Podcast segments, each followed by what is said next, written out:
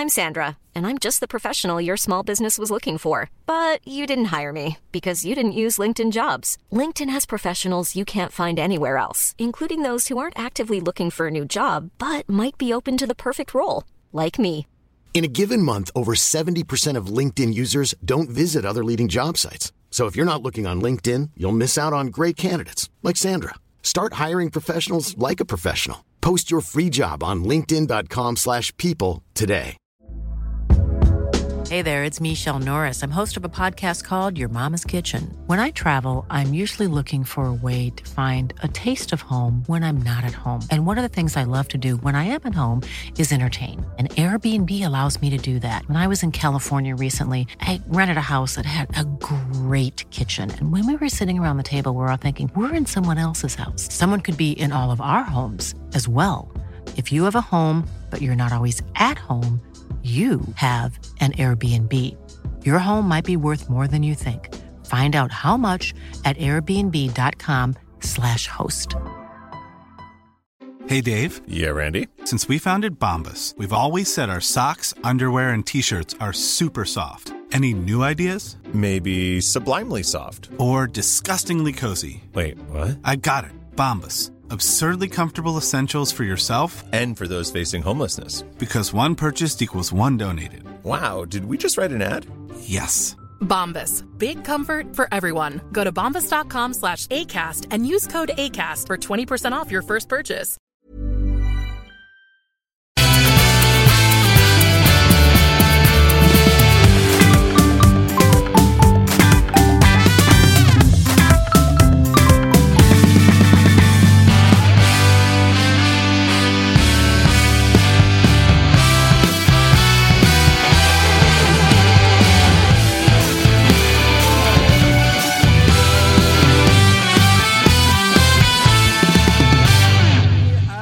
Fredag den 11 augusti. Det är avsnitt 248 av Toto-svenskan som ni lyssnar på och vi står inför en jävla omgång utav eh, allsvenskan här till helgen. Det är också så att Kalle Nilsson är, tro det eller ej, fullständigt ledig, utcheckad, nere i eh, Köpenhamn. Det var det han hade råd med. Eh, Ingo, skarpt läge för dig. Hur är pulsen? Bra, bra. Stor ära att sitta här med er. Har du koll på alla bitar? Eh, ingen aning. Nej. Ah, Okej, bra, bra, bra, bra, bra, bra. Vi, vi, chatten lär vara på dig ifall det är något som eh, strular. Jag sitter där bredvid också, så du behöver inte vara nervös. Hur är pulsen med Spångberg? BP hemma imorgon. Ja, ehm, ja, hur är pulsen egentligen? Är du mes- mest fokuserad på att det är en lördagsmatch med allt vad lördagsmatch innebär? Eller är det matchen i sig som eh, liksom eh, bringar mest puls? Självklart är det matchen i sig som, eh, som är mest puls. Ljuger du nu? Nej, nej men jag är... Jag vet hur taggad du är på att det är en lördagsmatch. Det ska bli fint faktiskt. Nej men det är en eh, halvhög puls. Ah, okej. Inte liksom maxpuls som det har varit eh, i 18 omgångar, utan det är väl lite lägre än eh, tidigare. Men ehm, ja, alltså det, det är väl den match hittills i år tror jag som AIK är störst favoriter i. Får man väl ändå säga. Ja, får man väl eh, hålla med. Josip Ladan, Jajamän. back in business också. Hur mår Back du? in business. Jo då, det är lugnt och skönt. Kikar på flygbiljetter till Norge. Ja, förhoppningsvis. Får väl se. Hajduk mötte Pauk igår hemma. 0-0-2 vi- ramträffar. Eh, ska till eh, Thessaloniki försöka få med sig ett resultat samtidigt som Rosenborg vinner mot Hearts Mm. med 2-1. Eh, ska till Skottland och härja där. Så att jag hoppas... Vad fan gör Rosenborg i Europa? Inte de, har inte de gått skitdåligt eller? Eller De kanske i år de har gått de dåligt? ligger, Ja, de ligger ju åt helvete i ligan tror alltså, kan berätta typ för dig att. Pau kommer ju givetvis sopa på Hajduk så du sjunger om det, så Ja. du kan ställa in den där Nej, de höll, ju, de höll ju på att sopa bort sig själva mot Beitar Jerusalem, så just på hemmaplan också. Så att vi, får väl, vi får väl se det. Men eh, Trondheim away, det tackar man inte nej till. Nej, den är inte helt, helt dum. Walter är på plats också. Välkommen tillbaka. Ja, tack så mycket. Hur är läget? Jo, det är bara bra. Hur är din puls inför eh, helgen? Nej, det, den är väl ganska svag får jag säga, men eh, Bayern är ju lite ingenmansland. Men, men det ska bli kul att se hur, eh, hur, hur laget har repat sig efter torsken, eller vad, vad Udde, Vad man nu kallar det. Ja, vad man nu kallar det, mot Twente. För det, det var en fin insats, eh, så det, det, det känns bra att det har gått någon vecka, för att det, det hade varit en given förlust om, om det har varit en match nära en på. Eh, det har ju Bayern lite erfarenhet av de senaste åren, att det är liksom svårt att ladda om. Så att, eh, Eh, vi får se hur, de, hur, de, hur laget samlar sig nu, men det känns ju som att om de tar på rätt sätt så finns det ändå mycket positivt att, att ta med sig. Jag kollade träningen idag också. Hur såg den ut då? Eh, det var en riktig plojträning. Ah, Eh, okej. det, det är ju så tyvärr när, när Bayern har öppet numera, då är, då är det på skoj. Liksom. Ehm, Marti vill inte bjuda på något. nej, nej, det är ju så. Eh, tyvärr. Men det, det är rätt tråkigt faktiskt att, att det har blivit på det sättet. Men, eh, Men vadå, ploj på att, att, alltså, ren- att det är lite lattjo? Det är typ Ja, kvadde och... Ja, exakt. alltså, det, var, okej. det, det var kvadraten, och de kör någon lek, du vet, där man, de ska springa och ska de andra spelarna kasta mjuka bollar på Ah, dem, alltså lite ploj. Sen, sen var det väl någon, ett par frisparkar på, på slutet och hörnor och sådär, men och sen efter, efter träning så, så är det applåder till, till publiken på plats och sådär. Så att det, är- Jaha. ja, det, det är Det är uppenbart. att, bara, här ska vi visa upp oss. ja, bara. lite så. Ja.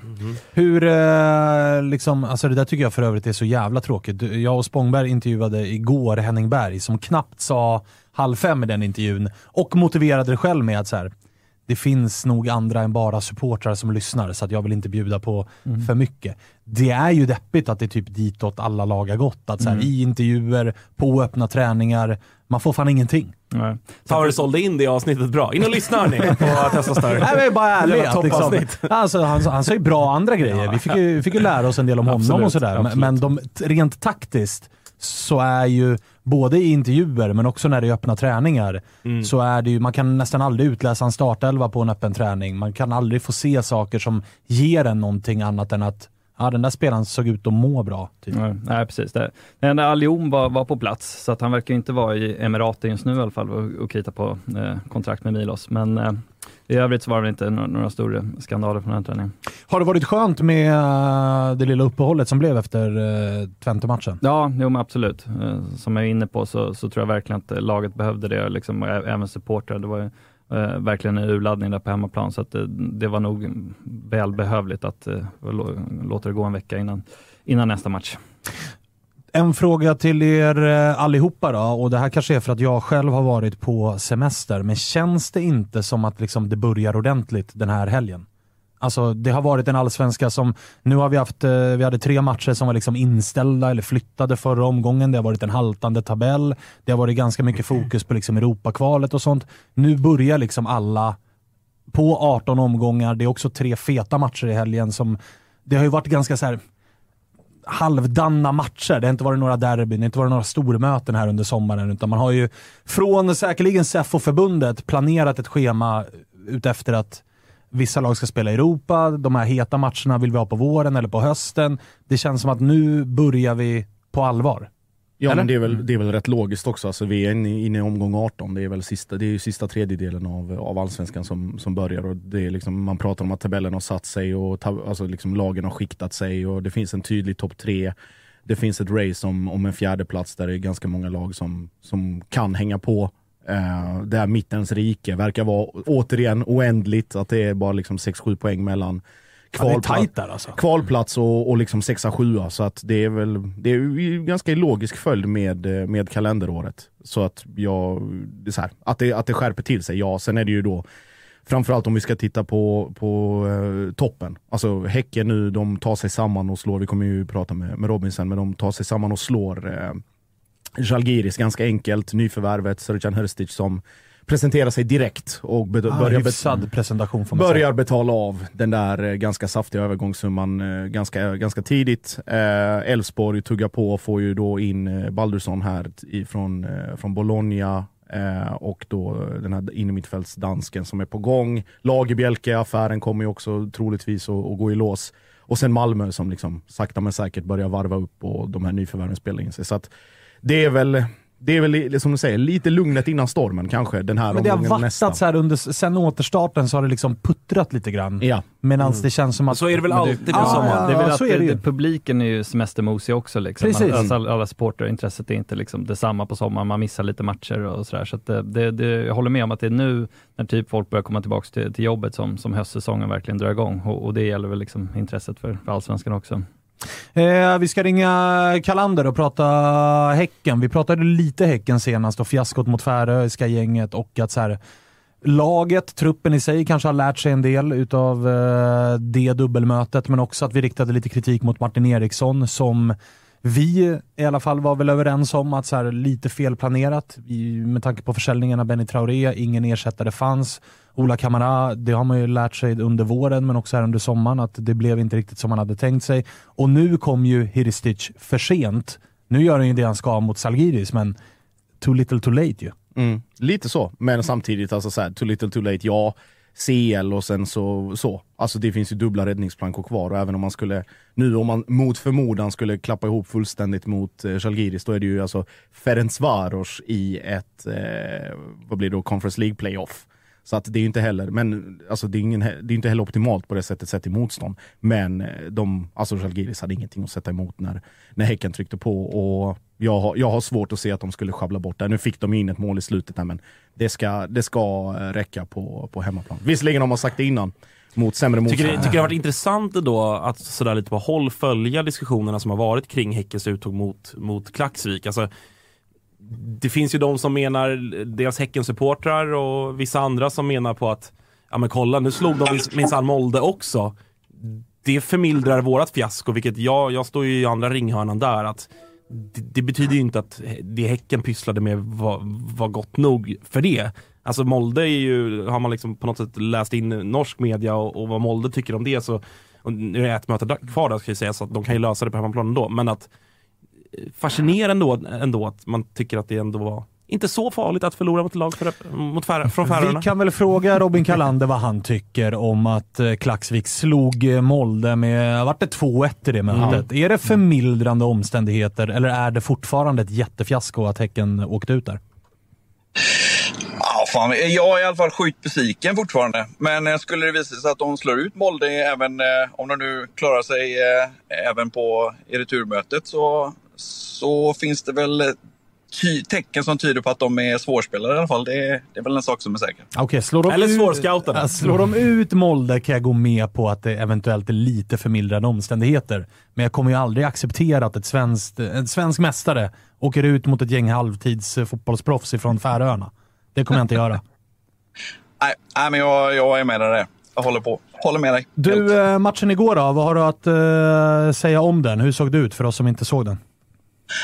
Nej, men eh, man får väl säga att eh, de där eh, Mordors mörka moln som var efter Klaxvik, de skingrades väl en hel del efter de 90 minuterna som vi såg där. Det var, det var klart bättre, även om det, det var på inget sätt och vis fantastiskt. Men vi, vi var tydligt det bättre laget. Och, det, jag hörde ni var inne på det innan. Det, det gör väldigt stor skillnad med, med en riktig nia på topp, helt enkelt.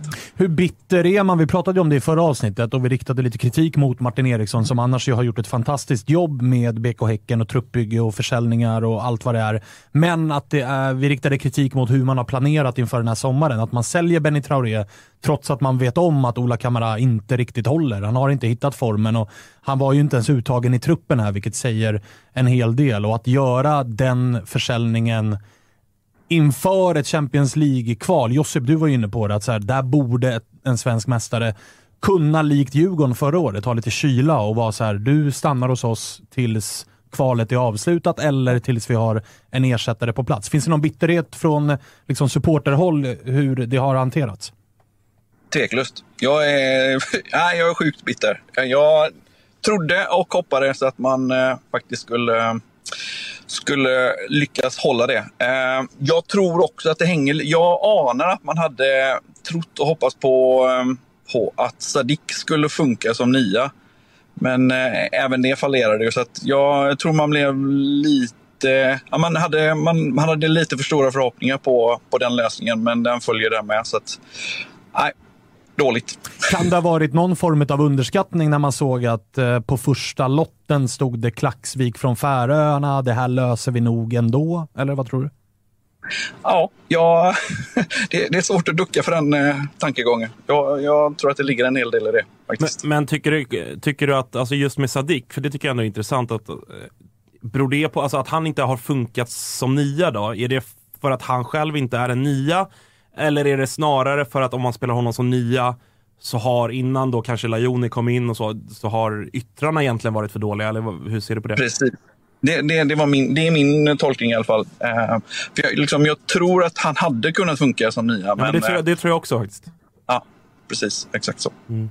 Du, eh, den här nya nian som kom nu då, Hirstic, hur eh, såg han ut? Alltså statistiskt, gör man 2 plus 1 så är det bara lyfta på hatten, men det var ju rapporter om att uh, mitt kära lag AIK, ditt tecken, jagade samma nia i form av Pittas. Han gick till oss och därefter gjorde ni klar med, med Hirstic, som kostade en del, ungefär samma priskategori som våran uh, cypriot, men, men vad fick du för bild av honom?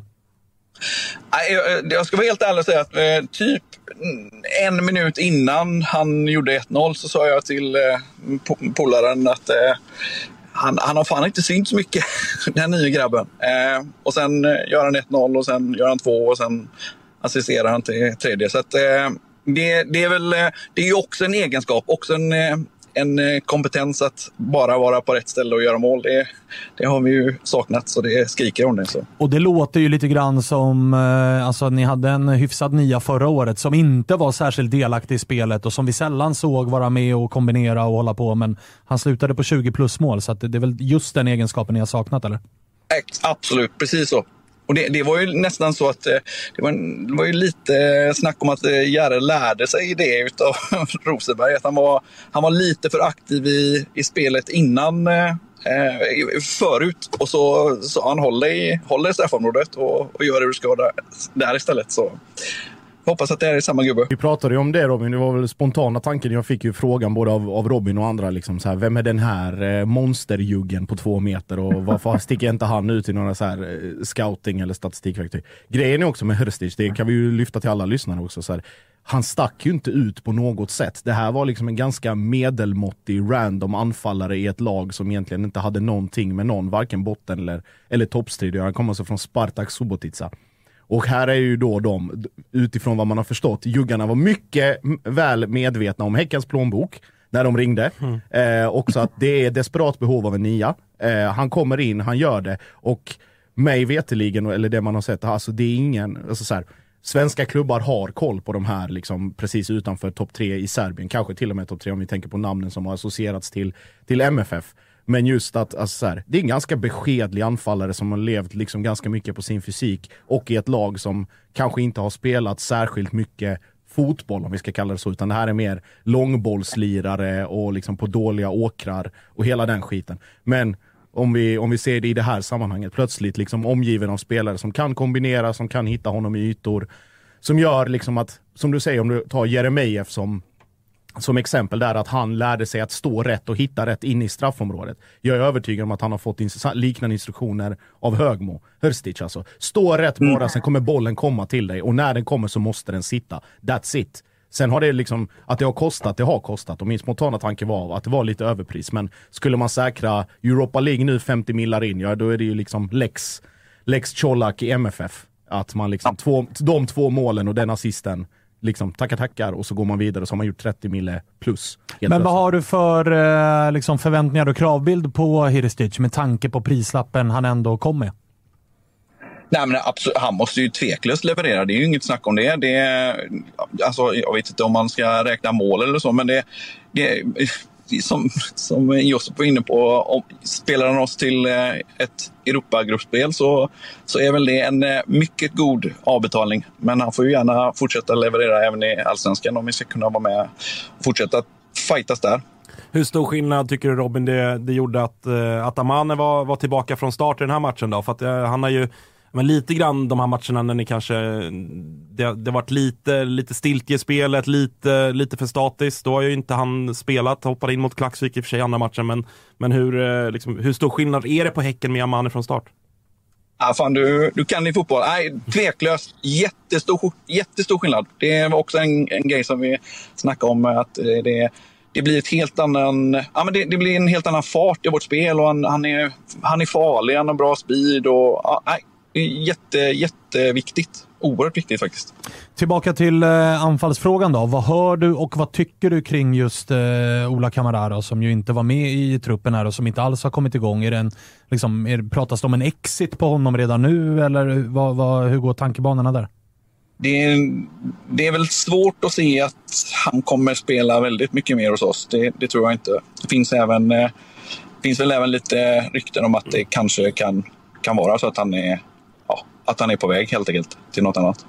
Och eh, på tal om på väg till något annat, gör man sin matematik kring ert centrala mittfält nu när eh, Abdulrazak Ishak är inne så är det väl kanske lite för många spelare som kan spela central mittfältare. Spångberg nämnde nyss Samane, Vad tänker du där? Kan det vara en försäljning på gång även där? Det är klart att det kan. Han är ju superbra, men jag, jag, jag är inte helt säker. Men eh, ja, för, för er, ser, vi, ser ni Ishak som en, som en, en, en sexa, åtta snarare än en ytter?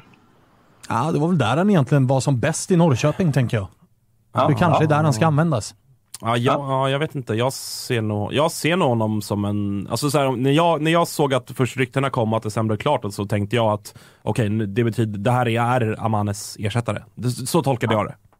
Ja, ah, eller så kan det ju vara någon av Gustafsson-bröderna faktiskt. Ja, ja absolut. Okej, okay, absolut. Alltså, men, men, central, men, en av de centrala mittfältarna. Så, så ser jag i Ishak. Även om man kan spela på en kant så, så tror jag att det är där man kommer använda honom. Jag ser, eh, om vi bara klipper in där Robin, jag ser Ishak som någonting mellan ytter, så här, riktig, riktig hängslen och livrem. Ett alltså, kryss två Josip kommer nej, men, kombo, kombospelare, inte bara liksom i positionsmässigt, men även för att avlasta ett redan ganska skadedrabbat och sli, alltså ett centralt mittfält som har fått slita hårt hela säsongen. Liksom med Gustafsson-bröderna, med Rygård. Och den blir den här en slash två omgångsvilan för någon av dem. Att de kommer tillbaka fräscha, att de kan ta ett gult, liksom, eh, vad heter det, bränna bort en avstängning och så vet man att man har täckning på de positionerna. Och just som du säger, för ska man, ska man in i Europa League då eh, och samtidigt då kriga om topp tre, så, så är det är den typ av investering som man kanske inte tänker på direkt när man ser att okej, okay, nu kommer Ishak, utan nu är det bara nu är det bara in på och, och trängas, utan det är nog lite, lite fler, eller lite mer mångbottnat än så. Ja, ja precis. Och det, det, det vet man ju att de, de har ju letat spelare som, som kan täcka flera positioner. Eh, det kan ju vara så, alltså om vi går tillbaka till våren lite grann, så var ju Sadik mer eller mindre såld. Han är ja. ju fortfarande kvar. Vad tror du kring hans framtid? Spelar han hösten ut i, i eh, Häcken med tanke på att nu närmar det sig ändå... Alltså tar ni den här omgången, vilket väldigt mycket talar för, då blir det ju någon form av gruppspel. Det är ett ganska bra fönster att visa upp sig i också för en spelare Precis. som eh, Sadik. Så, så, vad tänker du och vad vill du med eh, Sadik? Ja, men jag, jag, jag tror, jag, jag, är mer orolig för att Sadik lämnar än att Amane lämnar. Även om, alltså, vi var inne på hur viktig Amane var för vårt spel, men jag, jag, är, jag tror att det kanske är närmare med Sadik än vad det är med Amane. Eh, men det är lite spekulation. Eh, eh, så att, ja, jag, nu var ju inte Sadik var faktiskt inte så där våldsamt bra igår. Ehm, men eh, han har ju varit den som varit vår tydliga spets så att, eh, ja, jag, jag tror att vi kan sakna honom mer. Eh, om vi tittar på, på gårdagen, stannar kvar där lite på det som fanns på andra sidan planen, det vill säga Žalgiris. Är, är, du på något sätt överraskad eller förvånad eller var det ungefär vad du trodde i motståndsväg eh, sett till vad det, vad det var som presterades från dem? Ja, jag, jag, fan vet om jag... Jag, tyck, jag, jag kan säga att jag, jag blev lite förvånad eller besviken på att de inte var Ja, men de, de, de, jag trodde att de skulle vara lite tuffare, men det var ju när de... Det, det kändes som att det var medvetet att de, de backade och låg sjukt lågt.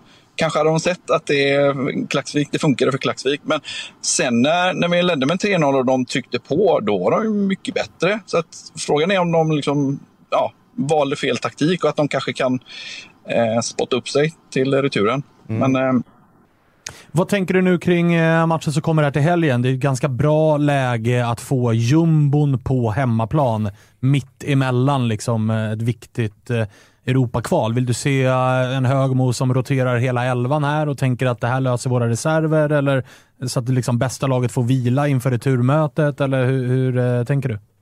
Nej, inte en chans. Usch, usch. Jag, jag, hoppas, eh, jag hoppas att de är sjukt mycket mer... Jag, jag går ju fortfarande på lite moln efter gårdagen. Det var ju en, en riktig förlossning. Så att, eh, jag hoppas att de eh, inte är lika glada och upprymda som jag var.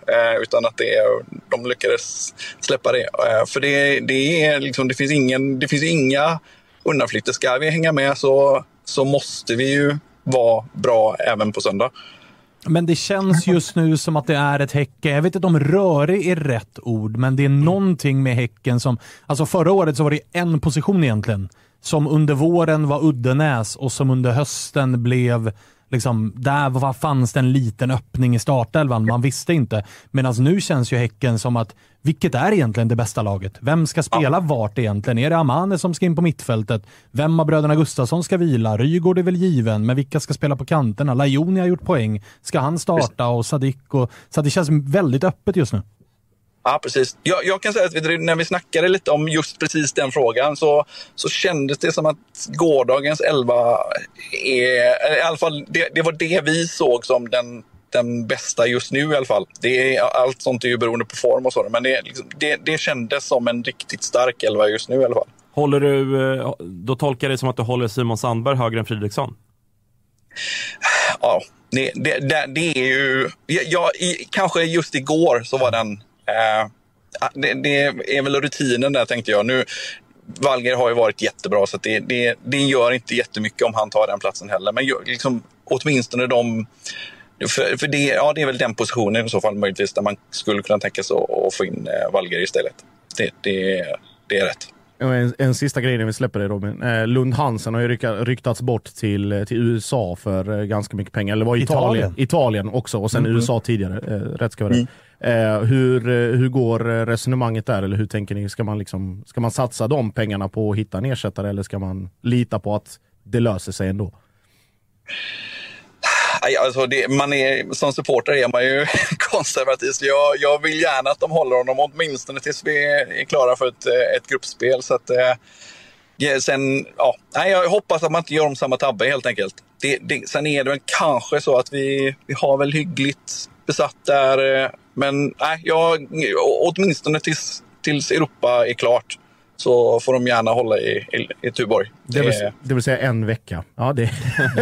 en vecka till. En vecka till. Du, vet, du, vet, du vet att du jinxade förra veckan, eh, Josip. Ja, det, ja, ja, men Klaxvik, det får ni fan. Det, det, det är inte mitt fel Robin, det vet du.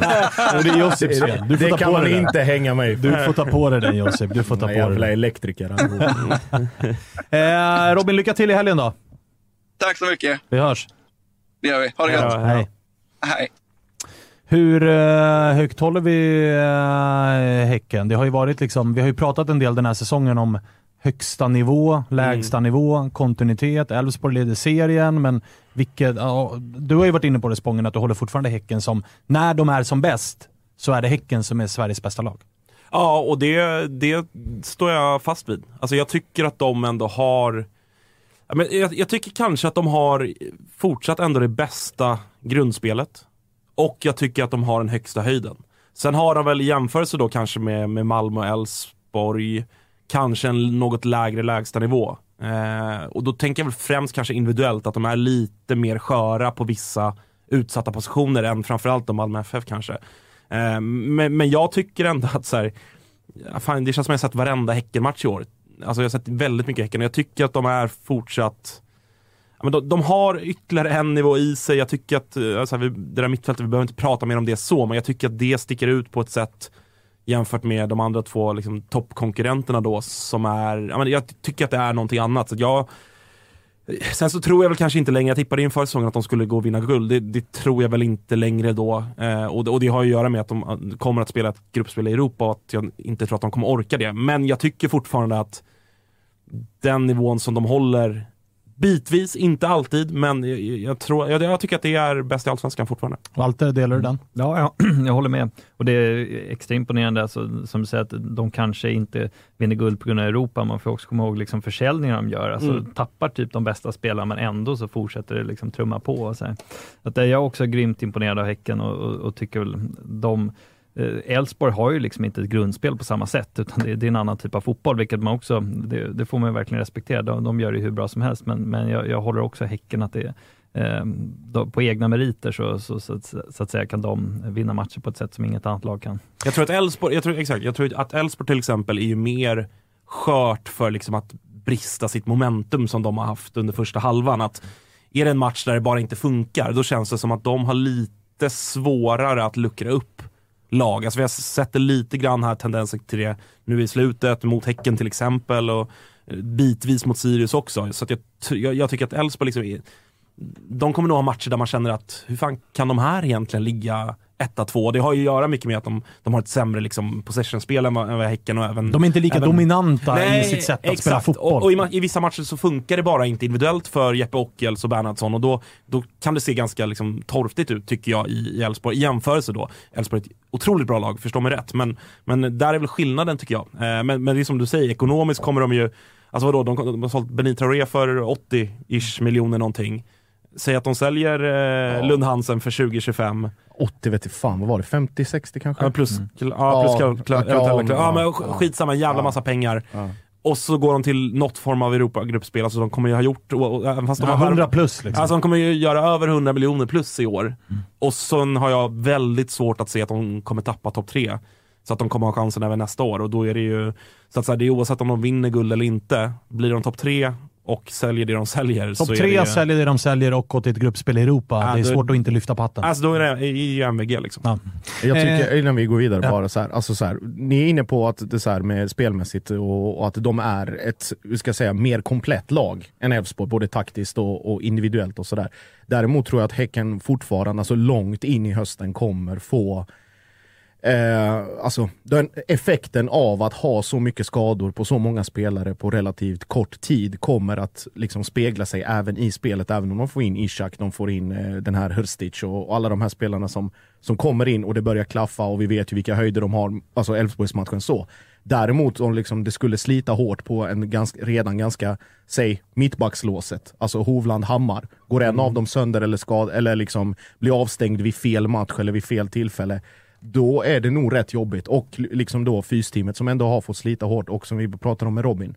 Att det, det, här mittfältet, att nu visst de känner lite avlastning nu när det kommer in och folk kan spela på olika positioner och man behöver inte belasta Gustafsson-bröderna och Rygård på samma sätt som man har gjort innan. Nu finns Amani och så vidare.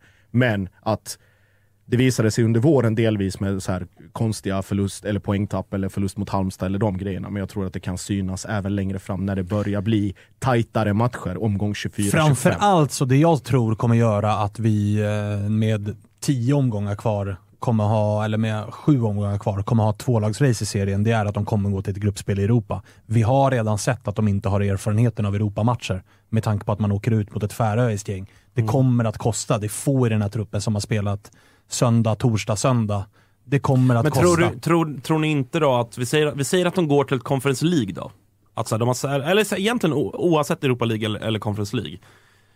Jag, jag, tror ju inte att de kommer roteras bort sig i Allsvenskan. Sen så absolut, det finns ett, en, ett, liksom en slitage, ett slitageperspektiv. Ja, det är det jag tror. Ja, absolut. Ja. Och Högmo, jag tror ju snarare att, rotera att truppen. Och... Det beror ju såklart på hur, vad de får för grupp, grupp i, i det Europaspelet. Men jag tror ju inte att de kommer Eh, alltså jag, jag, tror snar, jag, tror jag, jag, kan se att man i, i, grupp, i match två i ett gruppspel i Conference League mot PAOK, eh, att man där startar Tobias Hanna eh, och eh, Totland, typ.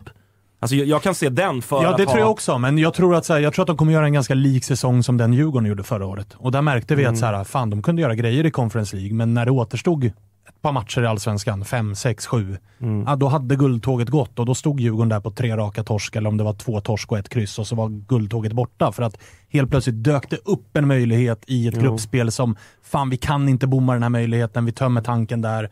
Och sen är det 0-2 i baken borta mot Degerfors som är tokmotiverade. Och där gick tåget, för att Malmö och Elfsborg kommer rada upp sina segrar. Sandberg som är rotationsspelare där, eh, han spelar ju sällan 90 minuter i Bayern också, redan då. Precis. Liksom. Så det, det, är ingen man vill, vill ha som, som ultimat backup där. Eh, men eh, om Häcken chokade rejält i Europa så får man ändå säga att Bayern ändå kan lämna med någon form av flagga i topp. För att det var ett Bayern som var kraftigt underlagstippade mot eh, Twente, men som ändå gjorde match utav det. Hur mycket har du kunnat smälta uttåget med tanke på hur, hur nära det var? Nej, nej, men alltså, jag kunde smälta rätt bra just med tanke på att man, man gick därifrån med någon form av stolthet. Liksom, att det var fem minuter kvar till, till straffläggning mot, mot Twente. Det var ingen som hade räknat med Redan liksom efter första eh, bortamatchen så var man ju bara glad över att det levde med tanke på hur Bayerns säsong har sett ut. Eh, många hade föreställt sig att man skulle ha tre, fyra mål i baken liksom inför returen. Och sen så att vi då mm, trots allt vinner på full tid. Och, eh, så det, det är svårt att liksom vara bitter bitter eh, efter, efter den matchen. Så att, eh, det är väl snarare så Även om vi åker ur och, och, och allt vad det innebär så, så, känner man ändå liksom en, det, en viss glädje inför liksom fortsättningen av säsongen, för det, den har ju varit stendöd he, hela året, ju, totalt intetsägande. Så att, eh, det, jag hoppas att, att spelarna liksom får någon kraft och motivation av det här och kan vara med och kriga om. Jag, jag, jag tror absolut inte på Europaplatsen, men i vart fall en, en fjärde plats eh, och bäst i stan är väl något att, att slåss för. Ja, det är 13 pinnar upp till eh, Häcken och det känns väl som att det är lite för många. Ja, och de, de är för bra. Liksom. Vi, vi, vi är inte lika bra, så det, det, finns ju ingenting som, som talar för det. Eh, det är väl hemmaplan, eller hemmamatcherna vi har eh, som är väl enda som, som talar för att vi kommer ta betydligt fler poäng eh, än vad vi gjort under våren och, och också att det, det, börjar se lite bättre ut. Men, men vi är liksom inte alls på topp tre nivå eh, när man tittar på spelet. Hur, eh, vi pratade om sommaren som någonstans har puttrat på lite grann, men under tiden så har ju faktiskt en spelare i Bayern eh, i alla fall enligt mig då, eh, verkligen visat att jag är här för att stanna och det är ju Erabi. Mm. Hur mycket tycker du att liksom Marti under den här hösten nu verkligen ska bara spela Erabi, Karlsson, Hammar, alltså de spelarna som faktiskt ska vara framtiden i Bayern. Nej men absolut, det, det är självklart det, det, det, är det jag tycker vi ska göra. Det tror jag sa redan tidigare under säsongen när jag varit med här, att, att jag tycker vi inte ska värva någon nia, för det, liksom, vi har ingenting att spela för, så vad, vad fan ska vi göra det? Då är det lika bra att satsa på eh, på Erabi och eh, så som han har gjort det så vore det jättetrist att plocka in en, en dyr striker som, som då ska peta honom bara på, på gamla meriter. Liksom.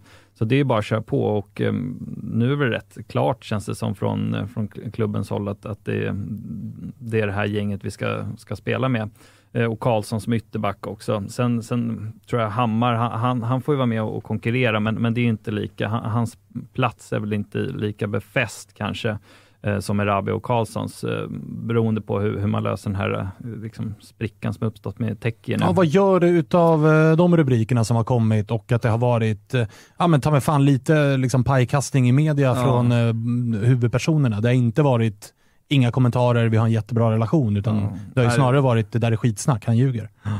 Nej, man är ruskigt trött på, på Teki. Alltså, så det, där är ju, alltså man, man blir vansinnig att se den där typen av kommentarer, särskilt om man liksom varit ganska kall själv. Eh, liksom, han har inte rosat marknaden, så att, att han får sitta bänk, det, det, är väl, det är väl inget att snacka om och Hammar har gjort det jättebra. Eh, eller ja, helt okej okay i alla fall, men eh, så att, det, nej, det, Tecke står ju inte högst bland supportrarna, särskilt när liksom ersättaren är Fredrik Hammar som, som är urbajare. Liksom. Så att, eh, han behöver inte, domaren hinner inte ens blåsa om, så är han liksom, han börjar ju matchen på 5 plus. Ja, Sen ja. får vi se om han spelar ner sig. Exakt, exakt. Och det, det är väl det som, som, som jag kan väl känna att det, det är väl eh, lite väl mycket hyllningar mot Hammar. Sen jag tycker jag har gjort det jättebra i Europakvalet, men, men sen, jag ser ju snackade om det med, med polare idag på träningen när vi tittade, att eh, liksom det här gänget som nu är nya, eh, Hammarby och så, Stommen, liksom, eh, ja, de, de gör det ju helt okej okay som ett mittenlag. Liksom. Men, men om man skulle fråga Elfsborg, eller Häckens eller Malmö supportrar, skulle ni vilja ha liksom, Hammar på mittfältet, Erabi som er nia och Karlsson som er nyckelback, så skulle de flesta säga nej. Eh, så att, och, och, då tänker jag att det här, det här, gänget, de ska nu spelas in i, och liksom ska, ska vi ja, ta nya tag nästa år. Men, men jag, den nivån de håller nu så är det ju liksom ganska långt ifrån kanske topp tre-lag. Så jag vet inte riktigt hur, hur Bayern ser på det där in, inför vintern. Samtidigt är det ju liksom det, man vill ju naturligtvis att de, de egna ska, ska slå och, och blomstra, men det är ganska långt att gå från division 1 till att sen liksom vara eh, topp tre-kandidat inför 2024. Och, och Hammar är väl typ en sån spelare som Karlsson tycker jag gjort det bra, verkligen, och Erabi, liksom, det går inte att begära mer eh, av honom. De är rätt nöjda med, men jag vet inte om, liksom, om där Hammar är just nu, om han ska vara en, en startspelare i Bayern som aspirerar på SM-guld. Det är väl tveksam till, men vi får se. Men det, det, nu är det väl bara att köra på under hösten och så så får man se i vinter. Känns det inte som att det kan bli en ganska stor eh, ombyggnation i vinter? Alltså vi har pratat mycket om ja, men dels tabelläget men, men även liksom den bristen på den sportsliga liksom, organisationen eller den rotation som har varit på, på många poster. Och att så här, det kombinerat med att många av de prestigeförvärv man plockade in dels förra sommaren men även inför i år, att det är ganska få av dem som ändå har, har blomstrat. Mm tror att det kommer ske liksom mycket, att man kommer på något sätt bygga om helt kring, ja men Tecke till exempel. Mm. Som ändå var Darjans ersättare. Ja, alltså Nalic och som inledde var, var, har varit bra nu mot Twente men inte riktigt eh, infriat. eh, Nej. Eh, och Boda har, har vi Mm. pratat om tidigare. Alltså, det är Ja. ganska många sådana, Simon Strand har, vet, har ju Ja. du pratat mycket om när du har varit här. Ja. Alltså det är ganska många av dem som man känner att så här, för jag, jag håller ju med dig lite grann att så här, det, de unga spelarna är ju inte topp tre bra än, men det, finns, det råder inga tvivel om att här, det finns ju någonting där och man, man borde bygga vidare på det. Men de behöver nog kanske ha topp, topp spelare bredvid sig för att Hammarby ska hota om en topp tre-plats igen. Ja. Hur mycket, hur mycket liksom, hur Nej, stor jag- ombyggnation ser du, ser du hända i vinter? Nej, men jag hoppas ändå inte det, det blir allt för mycket, för vi har ju, som sagt vi har ju lagt rätt mycket pengar också, så de måste ju få, få, få visa sig lite längre. Typ som Mikkelsen har ju liksom ännu inte riktigt kommit igång, men man har sett eh, när han väl har varit tillbaka från skada och liksom, det, han har spelat några matcher så börjar man se, aha, här finns någonting. Men sen så har han blivit skadad igen. Mm. Eh, så att han är ju typ en sån spelare. Han, han, vill ju, han ska ju ha en, en kant och, och få spela eh, lite kontinuerligt under hösten här nu. Eh, och Djukanovic har ju också, han har gjort mer än vad man kunde förvänta sig Mm. tycker jag. Liksom, Framförallt med tanke på åldern. Ja, åldern kan ju verkligen, engelska och svenska liksom, så han har ju verkligen gjort eh, allt vad man kan, kan begära av honom. Så att då har vi liksom kantplatserna klara. Irabi känns ganska eh, klar att han ska spela nia så som det ser ut nu. Sen är det ju, eh, Besara ska väl spela och jag tycker Nalic gjorde det jättebra i Europamatchen, eh, särskilt på hemmaplan. Eh, så att mm, då, då är det Besara Nalic ska konkurrera om, om plats nummer, position nummer 10 och sen Sadiko är väl han, han skulle man nog kunna eh, hitta nå- något liksom lite vassare, eh, offensivt i vart fall. Men, men är ju en jättebra spelare, så det är väl helt okej. Men Så det är väl Tecke Hammars plats där som det går att uppdatera. Eh, och eh, sen backlinjen så antar jag att det, det kommer ju försvinna någonting, eh, Kurtulus antagligen. Mm. Och ytterbackarna kan man fortfarande spetsa till tycker jag, även om har plockat in den här nya spanjoren. Men han har man inte sett, så det är omöjligt att veta vad, vad det blev av honom. Men så jag tycker det är inte liksom fyra nya spelare in. Och sen så bakom de här så, så finns det ju liksom, Majed vill man ju se mer av, Alium får man se vad, vad som händer med honom. Eh, nu på träning idag var Bajrovic var uppe från HTFF som är kapten där och var med eh, som enda HTFF-spelare. Och han, han spelar i mittfältare, så det är väl liksom en, en konkurrent kanske till Tecke Hammare. Mm. Men du, den här uppställningen som var mot Twente, som var lite mer av en 3-5-2-formation och som funkade jävligt bra mot ja. Twente. Är det någonting du tror Marti kommer bygga vidare på eller var det en engångsförteelse? Nej men, eh, nej, men det har vi ju sett nu. Vi spelar ju den borta och vi spelar den mot Norrköping också, eh, hemma däremellan. Så att, eh, alltså i vart fall mot typ Elfsborg nu, nu till helgen så tror jag att man kommer bygga vidare på den. Och, och det är väl en, en konsekvens av också att vi har eh, fyra liksom halv, ganska jämnbra mittbackar. Så att det, det är ganska bra att, att spela dem. Och vi har ju släppt in alldeles för mycket mål. Det är ju den stora skillnaden från förra säsongen, att vi, vi läcker så mycket bakåt. Så att, eh, även om det är absolut inte Martis filosofi att spela liksom femback, eh, så, så tycker jag att det har sett rätt bra ut. Och även vi, vi skapar ändå liksom, mot Twente hemma så har vi ju två halvfrilägen som vi borde göra lite bättre på, så att vi, vi lyckas ju ändå, ändå skapa lite även med det spelet. Och även andra halvlek mot Norrköping hemma mellan Europamatcherna tycker jag också är jättebra. Så att, eh, jag hoppas i vart fall mot, mot liksom bra motstånd eh, där det finns eh, ett potent anfall så, så hoppas jag vi fortsätter spela så.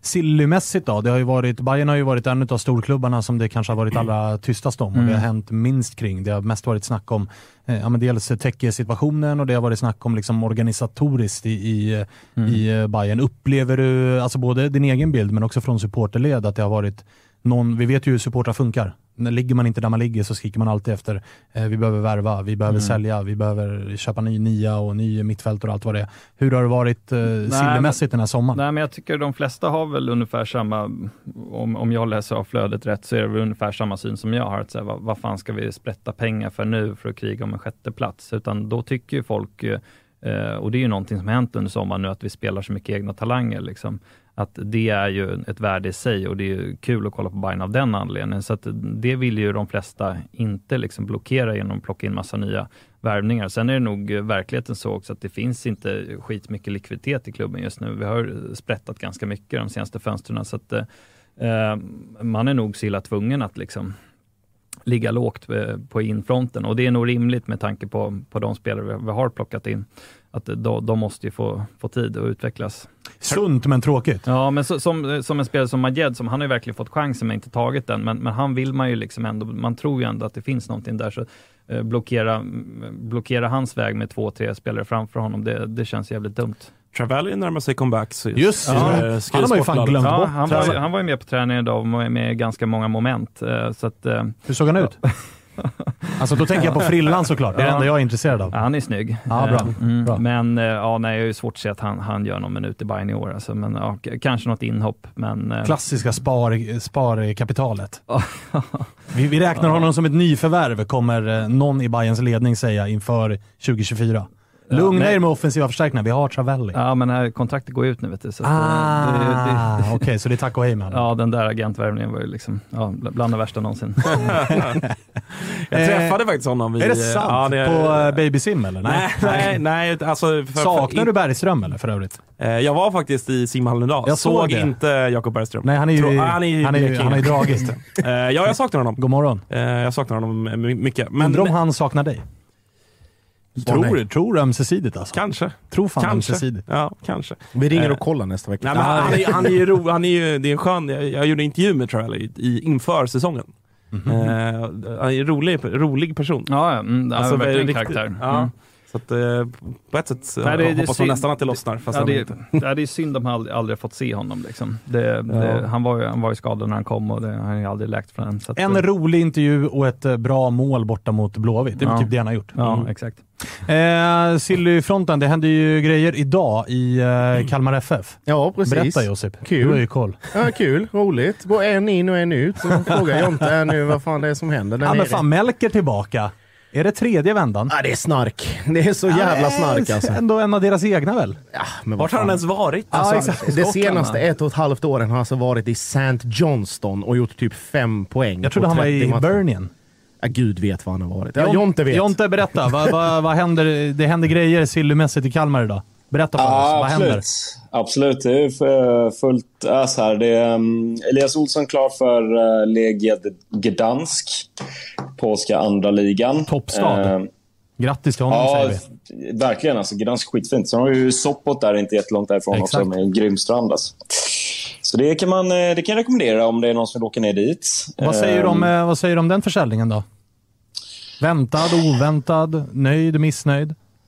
Ja, alltså så här, jag, jag är jävligt delad. för att eh, Hans kontrakt, jag har ju tjatat ganska mycket om det här med eh, Bosman, att vi tappar för mycket spelare på Bosman, framförallt egna produkter. Hans kontrakt går ut om ett och ett halvt år, så det är väl helt rätt tillfälle att sälja utifrån kontraktssituationen så man inte hamnar i någon form av att han slår igenom stort nästa år och sen försvinner som Bosman. Så att jag, jag, jag tycker väl att det är ett rätt beslut egentligen. Och sen så har han ju inte sett superbra ut. Men jag, jag hade gärna sett att han hade fått chansen under hösten. Eh, kanske mer än, än liksom när någon har varit avstängd eller på en ytterbacksplats. Eh, jag hade gärna sett att han hade fått göra liksom fem, sex matcher och inte behöva känna stress hela tiden att, att behöva prestera. För jag tror att det är mycket det som har gjort att han inte har kommit in i eh, i eh, eh, laget och inte gjort så bra prestationer när han väl har spelat. Då. Eh, men eh, samtidigt, eh, ja, det, det, är nog, det är nog ganska bra att sälja nu för att vi behöver få in pengar. Vi har tappat alldeles för mycket produkter på, egna produkter på, på Bosman. Så att, eh, utifrån det, eh, sen vet man ju inte. Jag har, försökt, jag har suttit och Google translateat massa polska nyhetssidor. Som man eh, gör för att försöka fredag hitta- förmiddag. för att försöka hitta någon form av eh, transfersumma. Men det är fan... Eh, det är fan eh, eh, skralt alltså. Det, det hade varit intressant att veta bara hur mycket pengar det handlar om. Men, men troligtvis inte jättemycket. Också förhoppningsvis, för som jag förstod det skrev han ett ganska långt kontrakt. Eh, förhoppningsvis så ligger det väl någon vidare försäljningsklausul där som man hedgar lite för att... Eh, om, om man skulle slå igenom då. Och eh, in då, återvändaren eh, Melker Allberg. Kul, roligt, eller hur Jonte? Fan, det är han där också. Ja, ja. Eh, nej, jo, men alltså så här att Melker eller Josip? Ja, exakt. Båda. Båda. Båda. Känner du samma sak inför båda? Melkers comeback och Josips närvaro i studion. Ja, det, det är lite me mellanmjölk. Nej, nej jag skojar. Nej, så här, alltså, eh, jag, jag, tycker väl att det är, en, det är en klok värvning om man inte har någonting annat upp, ehm, eh, upplagt för att ta in på det centrala mittfältet. Det är ett korttidskontrakt som jag har förstått som säsongen ut. Sen finns det väl någon option på att förlänga. Eh, han har ju varit och tränat med Kalmar FF på somrarna vad jag har förstått. Eh, alltså, även, inte bara i år utan även tidigare. Då. Så att, eh, de har väl tittat på honom ganska, ganska mycket. Så att jag, jag, jag hoppas att man har gjort en, en, en bra utvärdering. Och, och det, det blir, alltså, vi behöver ju få in en, en innermittfältare till. Um, så det, är väl, det är väl en smart värvning på ett sätt. Jag tror inte att det kommer liksom att han kommer göra 5 plus 5 eller, eller vara liksom en avgörande faktor för att vi ska, klätt, vi ska liksom hamna högre upp i tabellen. Det tror jag inte, men det, det är väl en smart värvning. Liksom. Samtidigt så är det ju lite så att, att eh, vår trupp är ganska i alla fall vår startelva är ganska, vi har ganska hög eh, medelålder. Eh, eller har haft den senaste tiden i alla fall. Eh, I alla fall sen, sen Kalle gick av. Uh, och uh, vi byter alltså en, en 20-årig mittback mot en 28-årig uh, central innermittfältare. Och det känns väl lite sådär. Det, jag, jag, det är en bra värvning för vi behöver förstärka på den positionen på det viset. Sen får vi väl se. Liksom, han, han var, för att svara på en fråga, då, så var han ju i Hibernian först och sen så gick han till St. Johnson. Då, i, alltså jävla spretig karriär. Det är Udinese och Ascoli och Vejle och sen två mm. klubbar i Bayern. Ja, Bayern såklart. På tal om ja. superspretig. Men det var ju på den tiden Bayern bara plockade liksom. Har du varit i Kalmar ja. så är det fribiljett in i, ja, visst, det var, i eh, Bayern. Det var Nanne-tiden vill jag minnas. Ja, jag ja, tror, tror det. Måns Söderqvist är ledig. Plocka in honom igen också. Uh, Bayern menar du eller? Nej, ni, ni kan väl prova i Oskarshamn nu eller vad fan det var. Uh, fan, är han inte typ Trelleborg eller något sånt? Nej, jag, Nej, jag, vet jag inte. tror han gick till Oskarshamn. Jag ska kolla faktiskt. Men alltså vadå? Han är, alltså Melker är... 28. Ja, exakt. Alltså, det, det är ju... Alltså, det är en bra allsvensk spelare, eller? Jag trodde också han var äldre. Ja. Jag tänkte han är 32, men han är, han är 27, fyller 28. Ja. Alltså kan väl absolut komma in och göra det bra. Du, han jag, jag tycker du känns tidigt, pessimistisk liksom. alltså. Ja, men du, du känner mig. Ja, jo, i och för sig. Jag kom på att du, ni hade kunnat plocka... Mbappé ska vara ledig. Du hade ändå varit såhär, fan ska han spela? Ja, precis. Hur länge får vi behålla honom egentligen? Ja. Nej, men, eh, eh, nej, men alltså, så här, jag, och det kan ju bli, det kan bli svinbra. Liksom, för det kan ju vara så att han, att han känner att det, det funkar bra i Kalmar, det, jag gör det bra här. Och att han blir en typ av kulturbärare och stannar Alltså lite som typ Simon Gustafsson i, i Häcken. Liksom. Kommer hem i, i, i, um, i rätt tid och kanske blir kvar ett tag. Uh, det hade ju varit jävligt trevligt. Men, men, men jag är inte så här, alltså det är inte, det är, man sprudlar inte direkt. Och Sen så tycker jag väl också att det finns även andra positioner som jag, framförallt nu när man säljer Elias, att en mittback behöver ju komma in och då gärna någonting yngre. Eh, en yngre, lite spelskickligare mittback som det kanske inte växer på trän. Eh, så att, ja, vi får väl se. Men, men eh, det var väl inte jätteoväntat att Elias skulle försvinna kanske. Eh, och, och eh, alla hade nog räknat in att Melker skulle skriva på. För ju längre tid det drog ut med en ny klubb för honom, han var ju kontraktslös, så ehm, eh, blev det mer och mer uppenbart att han, att han eh, skulle eh, vara en Kalmar FF-spelare i, i höst. Du, eh, Sirius borta i helgen. Mm. Läge för Kalmar att kanske plocka tre poäng? Mm. Det, det kan jag tänka mig att du tycker framförallt. Ja, alltså, Sirius, jag tittar inte neråt, vet du. jag tittar uppåt i tabellen. Ja, Okej, okay. Eh, Hubresen är, är tillbaka. Ja, ja, snälla, du känner mig. Ja. Men, ja, okay. Eh, men okay. alltså, ditt, ditt kära Kalmar, det, det, det är ingen superform som har visats upp här under sommarmånaderna, så det är väl läge att börja plocka treor också. Ja, eh, det ska ju vara tre poäng med tanke på Sirius form. Eh, även om jag tycker att de har spelat ganska bra faktiskt. Eh, så, så, men, men det här är ju en match som... Nu har vi, nu har vi fått en, en veckas ledigt och, och vi möter ett Sirius som kanske har ännu sämre form än vad vi har. Och jag tyckte ändå att stundvis mot AIK så såg det bra ut. Framförallt kanske under första halvlek och början utav, utav andra. Då. Så att jag, jag är lite optimistisk inför eh, inför matchen. Eh, men det, alltså, kravställningen är solklar. Det är, man åker inte dit och, och eh, liksom spelar på ett kryss. Utan vi ska ha mest tre poäng därifrån. Eh, det behöver vi, för då är, vi väl, då är kontraktet i stort sett klart och då kan man liksom eh, andas ut lite grann. Då kan jag avslöja en grej för dig Jonte, så här fredag, fredag eftermiddag. Mm. Kan, kan såklart glömma de där tre poängen. Det blir absolut inga tre poäng för Kalmar mot Sirius. Vad stinker kryss. Ja, alltså max. Mm. Eh, ma- jag säger här nu, max en poäng. Ja, 1-1 blir det. Ja. 1-1. Ja, vi brukar faktiskt kryssa mot dem, så det är nog kanske inte helt, eh, det är nog inte, det är nog inte en helt dum, dum gissning. Nej. Eh, Och, men, in, och eh, inte ens i dina vildaste fantasier så ser du ju Kalmar ta tre poäng. Det är så du funkar. Ja, nej, nej. Det, det känns ju lite... Det känns ju obekvämt att eh, säga att vi ska åka dit och ta tre poäng. Ja, men du, ni har ju Eh, två åker snart i kuppen. Där kanske efter någon förlängning och straffar och sådär, kanske ni kan lösa en Ja. seger. Kan du sticka ut hakan där eller? Ja, men eh, där, där skulle jag nog säga att, eh, att vi, vi är knappa favoriter, även i min bok. Eh, Så svagt alltså. Otroligt svagt. Det är så svagt så att jag måste nästan lägga på. Du, det är, det är ingen fara. Jag är raka motsatsen till en aik skulle jag Ja, säga. det, det tackar vi alla för. Det hedrar dig Jonte. Ja, verkligen. Ja, vi hörs då. Det gör vi. Trevlig fredag. Hej, hej. Samma. Tja, tja.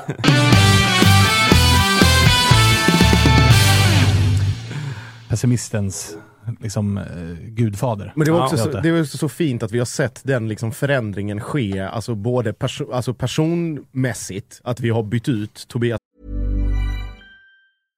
vi är glada att Tuttosvenskan görs med våra vänner på HelloFresh. Och många där ute, inklusive oss, börjar kika på att använda mer växtbaserade och hållbara ingredienser när det kommer till just matlagning. Och nu har våra vänner på HelloFresh via sitt nya samarbete med Oatly nöjet att presentera massa nya rätter på veckomenyn med just Oatlys havrebaserade i-mat. Och varför i-mat, Dage? Ja, men det är väl kanske en fråga man ställer sig. Men det är ju så att det är en ingrediens med 61 procent mindre eh, CO2-utsläpp och 83 procent mindre mättat fett än traditionell grädde. Så det är ett väldigt bra substitut. Ja, men och denna vecka så har vi kollat på HelloFresh hemsida och eh, botaniserat lite kring recepten som innehåller just i-mat. Och min tydliga, tydliga favorit är den soltorkad tomat rigatonin som ju har då lite soltorkade tomater, det är körsbärstomater, det är rucola, zucchini, riven ost. Ja, men ni hör, en väldig massa smaskiga grejer som blir en krämig pasta. Just att använda rigatonin, Freddy, som jag vet att du gillar också, som just suger upp all den här såsen.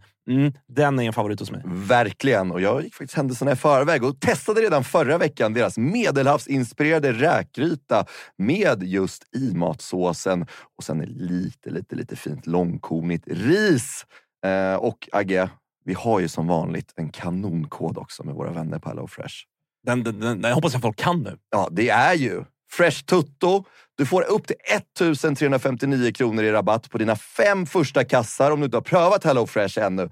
Plus fri frakt på den första matkassen. Och det som är så bra, har du inte använt HelloFresh på över 12 månader så gäller koden även dig. Så gå in på hellofresh.se och lägg en beställning på en riktigt fin matkasse redan nu. Testa HelloFresh, testa Oatlys i-mat. Vi säger stort tack HelloFresh. Vi är sponsrade av MQ och nu har Dobber, som är deras egna varumärke, kommit med en sommarkollektion. Äntligen lägger vi vintern och alla tunga plagg bakom oss och klär oss lite lätt. Sunset Horizon Club, alltså vad är det? Jo, det är inspirerat av surfen. Jag älskar surfen. Det är raka linjer. Det är eh, inte de här tajta plaggen, utan det är, det är lite mer luftigt. Och det kommer också i en eh, rad olika material, eller hur? Ja, men så är det. Det är ju eh, tencel, det är linne, det är lite jordiga toner eh, och eh, vad gäller plagg då så är ju de eh, knälånga stilrena shortsen såklart med oss. Vi har skjortor med print och broderi samt det som jag kanske föredrar mest av det här, set i form av shorts och overshirt i liksom samma stil. Och så lite skjorta under det kanske är man redo för eh, lite kärleksfulla eh, sommarkvällar, Thomas. Mm, som ni hör, eh, det finns en hel del att kolla in i Sunset Horizon Club som alltså är Dobbers nya sommarkollektion. Glöm inte bort Tencel som alltså är mitt favoritmaterial som utmanar bomullen. Det är jag kan inte säga bomullen kan ju vara både tjock och tunn beroende på hur, hur många gram man använder, men den, det känns väldigt lätt på kroppen. eh, Väldigt Ligger mjuk och len. Ja, len. Bra. Len Bra, är bra, bra, tencellen bra. också. Eh, det, det här ska man kika in. Alltså Dobbers eh, nya sommarkollektion som heter Sunset Horizon Club. Och var finns det någonstans? Det finns på mq.se eller i alla MQ-butiker runt om i landet. Gå in och fynda nu inför sommaren. Vi säger stort tack till MQ som är med och sponsrar Totosvenskan. Hey, I'm Ryan Reynolds. At Mint Mobile, we like to do the opposite of what Big Wireless does. They charge you a lot, we charge you a little. So naturally, when they announced they'd be raising their prices due to inflation, we decided to deflate our prices due to not hating you. That's right. We're cutting the price of Mint Unlimited from $30 a month to just $15 a month. Give it a try at mintmobile.com slash switch. $45 upfront for three months plus taxes and fees. Promo rate for new customers for limited time. Unlimited more than 40 gigabytes per month. Slows. Full terms at mintmobile.com. graf, den evige eh, liksom, optimisten mot det totala kompakta mörkret i Jonathan Sjöström. Att det bara blir liksom från ja men eh, det är ju, ser hur bra ut som helst och vi kommer nu, Jensen är otrolig och Nej, otroligt kul! Och så pratar han skitnära micken. Och så hör man bara, ja knappa favoriten mot två åker. Vad fan är, Ja, det är den verkligheten Det vi lever i. Ja men det, det är kul, men får vi hoppas att han eh, skjuter ut sig fullständigt eh, på, i Fyrisån någonstans. Ja, det får, Definitivt, definitivt. Ja. hörni, i helgen är det också Blåvitt-Djurgården. Det är stora popcornskålen va?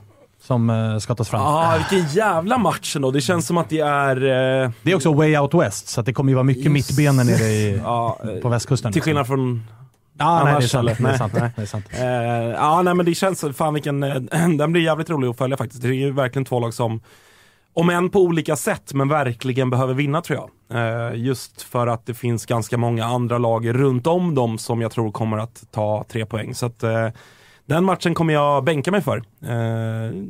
Borde väl ändå vara en ganska tydlig tvåa va? Eller? Tycker ju det. Mm. Man tycker ju det. Sen väntar vi väl också på, jag vet inte, när vi, vi drog igång för 55 minuter sedan, har det kommit någon nyhet från officiellt Blåvitt-konto om Nej, inte Astrid vad jag har Selmani? Men det har ju sipprat ut bilder i alla fall på att han är och har gjort eh, fystester och allting. Gör det någonting med dig Walter? Nej. Att Astrid Selmani går till Blåvitt? Nej, nej det gör det inte. Ingenting? Nej.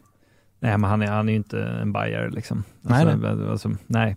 Eh, han är ju, nej, nej det, det gör verkligen ingenting. Det, det Sköt ändå hem kuppen. Ja, ja, absolut, men, men det är fortfarande det, det, det är en fotbollsknegare. Liksom. Ja, ja, Eh, det är det ju verkligen. Men tror ni att Astrid Selmani är eh, svaret på ett nytt kontrakt för IFK Göteborg? Jag In- Ja, börja du. Ja, ja, alltså. Ja, ka- kanske.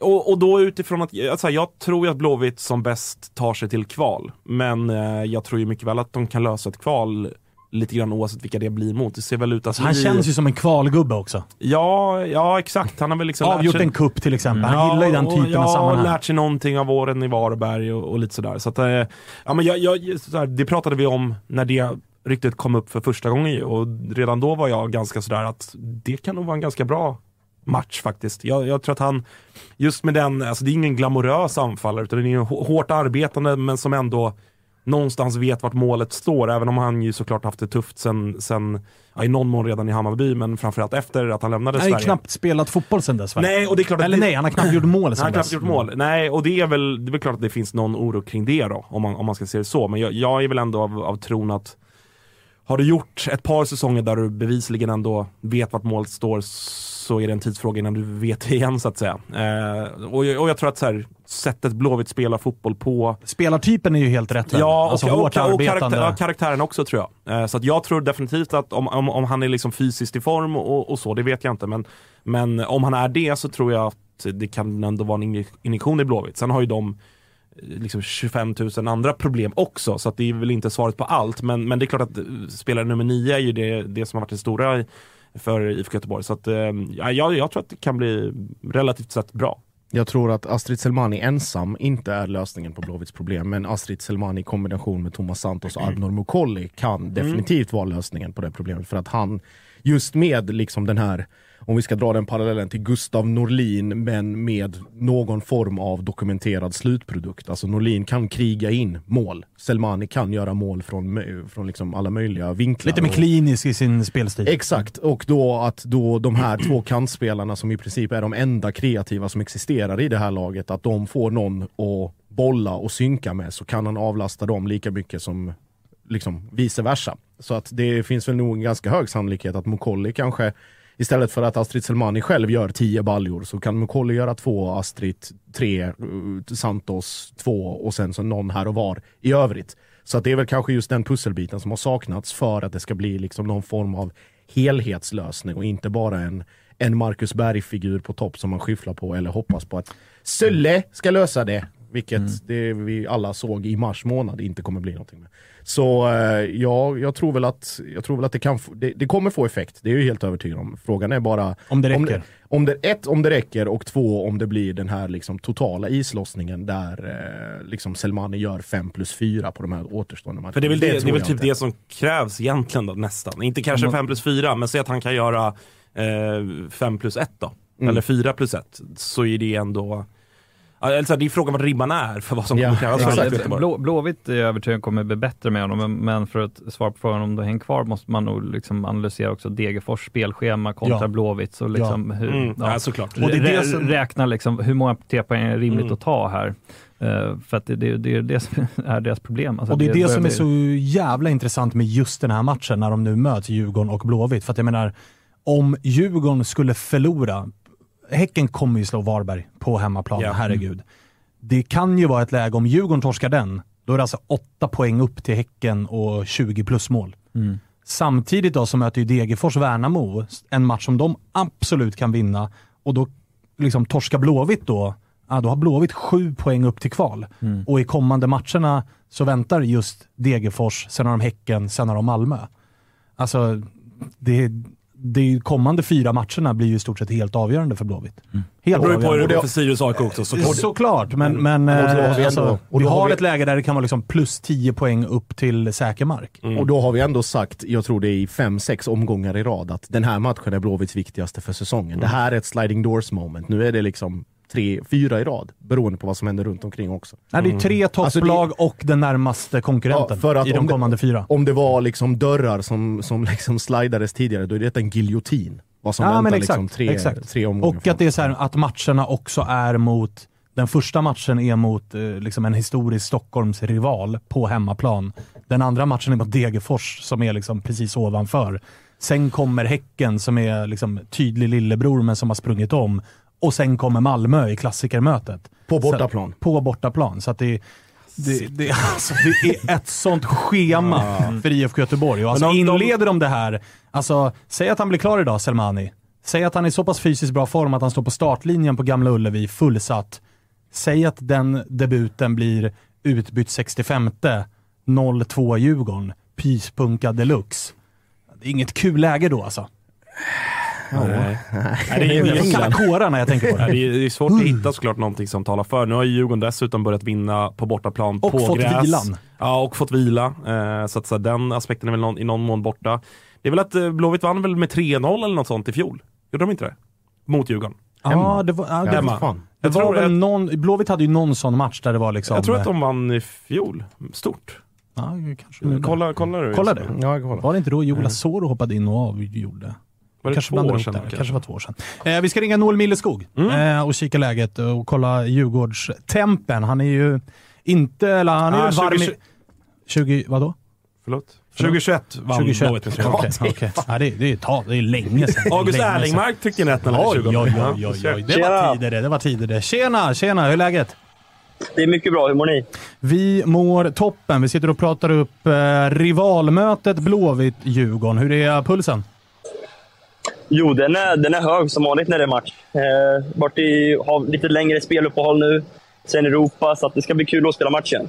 Hur, eh, liksom för dig som är ny, har det här uppehållet kommit eh, lägligt för dig? Att liksom bara få träna och gnugga på istället för att det bara varit... Eh, ja, men du vet hur det kan vara när det är tätt matchande. Man hinner inte träna så mycket, utan det är, det är mer bara ladda om till en ny match. Har det varit nytt, extra nyttigt för dig, tror du, som ny, att få uppehållet här? Nej, jag tror båda delarna är viktiga. Dels att kunna vara med i så många matcher som möjligt och se och lära hur, hur vi vill spela nu och, och sånt där. Men också, som du säger, viktigt att få in träningar också och få in eh, helheten. Så att jag tror eh, det är också såklart varit viktigt att få in träningar med lite när man kan trycka på lite mer. Annars har det varit mycket matcher och man har fått ta hänsyn till dem. Hur har eh, första tiden i eh, Djurgården varit för dig? Eh, jätte, jättebra. Eh, såklart mycket nytt med nya människor och ny, nytt upplägg på träning och en hårdare träning med, med högre nivå och sånt där. Men allt som allt, ett jättebra välkomnande från, från klubben i, i spelare, i personal och i ledare och allt. Var det extra skönt att liksom eh, få med sig eh, tidigare lagkamrat Samuel Dahl från eh, Örebro? Att man har liksom någon att luta sig lite mot? Ja, givetvis är det det. Eh, um, vi umgicks mycket privat i Örebro också. Så, och det kommer bli en hel del säkert nu i Stockholm också, så det, det är såklart en trygghet. Vad, inför Blåvitt här nu då, vad eh, har ni pratat om som är extra viktigt i en sån här match? Det kommer vara lapp på luckan på Gamla Ullevi, det kommer vara mycket folk, det är ett rivalmöte. Är det någonting man tar hänsyn till eller tänker man bara på liksom taktiska och spelmässiga och, och allt sånt? Det är såklart alltid jättekul när det är mycket, mycket folk på plats. Eh, vi eh, har varit bortskämda med det eh, och vet jag Djurgården har varit innan också med mycket folk på plats på Tele2. Eh, och jag har också upplevt det de här matcherna jag har spelat. Så det, det hjälper till enormt mycket när man har publiken i ryggen om man kan spela så. Det är någonting jag inte varit van med innan, att spela med sån publik i ryggen. Eh, så det hjälper såklart till, men jättemycket har vi inte fokuserat på, på Göteborg, utan vi försöker eh, fokusera ganska mycket på oss själva och Eh, trycka på det vi, vi vill trycka mot, Djurgården, eh, mot Göteborg på. Så att, eh, men än har vi inte pratat jättemycket om eh, Göteborg. Vad har varit, alltså rent, rent spelmässigt och taktiskt, vad har varit de, för det har vi pratat om ganska mycket i, i den här podden tidigare om, ja, men om, om egentligen alla nyförvärv som har kommit till Djurgården, att det är ganska många som har haft en tuff start, men att det har tagit tid och sen till slut så har det liksom slagit för ganska många och, och Djurgården har varit bra på att sälja vidare och så för dig nu under den här perioden du har varit i Djurgården hittills, vad har varit det svåraste rent taktiskt att komma in i vad gäller spelsystem och hur, hur Kim och Tolle vill ha det och vad som förväntas av en nia och så vidare? Vad, vad har du liksom fått jobba mest på jämförelsevis med det du, det du var van med i Örebro? Eh, taktiskt är det inte jätte, jättemycket skillnad. Eh, vi spelade ofta med en nia i Örebro också. Kunde även spela med två ibland. Eh, så när vi vid de få tillfällena jag spelade med två nior är det lite annorlunda hur, hur man spelar. Eh, och sen spelar vi nu med breda ytterforwards, vilket vi inte gjorde i Örebro. Utan då hade jag, när jag spelade ofta, tior nära mig. Eh, så det är lite annorlunda hur man, hur man bygger upp och nians roll i speluppbyggnaden. Men annars är det en ganska relativt lik roll man ska ha som nia. De, vad jag har förstått det kräver en nia som jobbar hårt i pressspelet. Eh, och eh, gillar ju att pressa med hela laget och spelar en framåtlutad fotboll som, där man vill skapa målchans genom att ta bollen högt av motståndarna. Och det var ju det ambitionen var i Örebro också, att, att spela en sån fotboll. Så det är inte jättestor skillnad i, i hur man vill spela fotboll i Örebro och Djurgården. Hur ser du på din roll då? Jag menar, du är inte lastgammal när du kommer till Djurgården och som August var inne på, att så här, Djurgården har ju varit bra på att eh, på Kaknäs liksom, eh, utveckla spelare. Att det, det, har fått ta tid och man har haft tålamod och vissa har till och med, ja, men som eh, Elias Andersson och Hampus Findell är ju två exempel som har kommit när de varit i din ålder. Det har inte varit pang bom succé från start, utan det har fått ta lite tid, kanske något lån, men sen har man väl slagit. Hur tänker du kring liksom tålamod och vänta på chansen? Eller är det bara så här, jag ska starta varje match och, och göra hundra mål? Eller hur resonerar man det när man kommer till en stor klubb som Djurgården är? Nej, men givetvis så, som du säger, vill man ju spela varje, varje match och man vill göra hundra mål och sånt där. Men hur, man får väl tänka också hur realistiskt det är. Eh, jag är väl medveten om, och jag var det innan jag på också, att jag kommer till en klubb med, med höga ambitioner och som historiskt sett har varit bra på att utveckla unga spelare, men också har en historia av att vinna titlar eh, och sånt. Eh, så att det, jag kommer till en, en, klubb med andra ambitioner än den jag har varit innan. Eh, och då har jag givetvis tålamod i det och, och vet eh, att jag kanske inte är längst fram i, i ledet i, just nu, men att jag kommer vara i en väldigt, väldigt bra miljö eh, där jag kommer få förutsättningarna till att kunna vara eh, så småningom eh, längre fram i, i ledet om man säger så.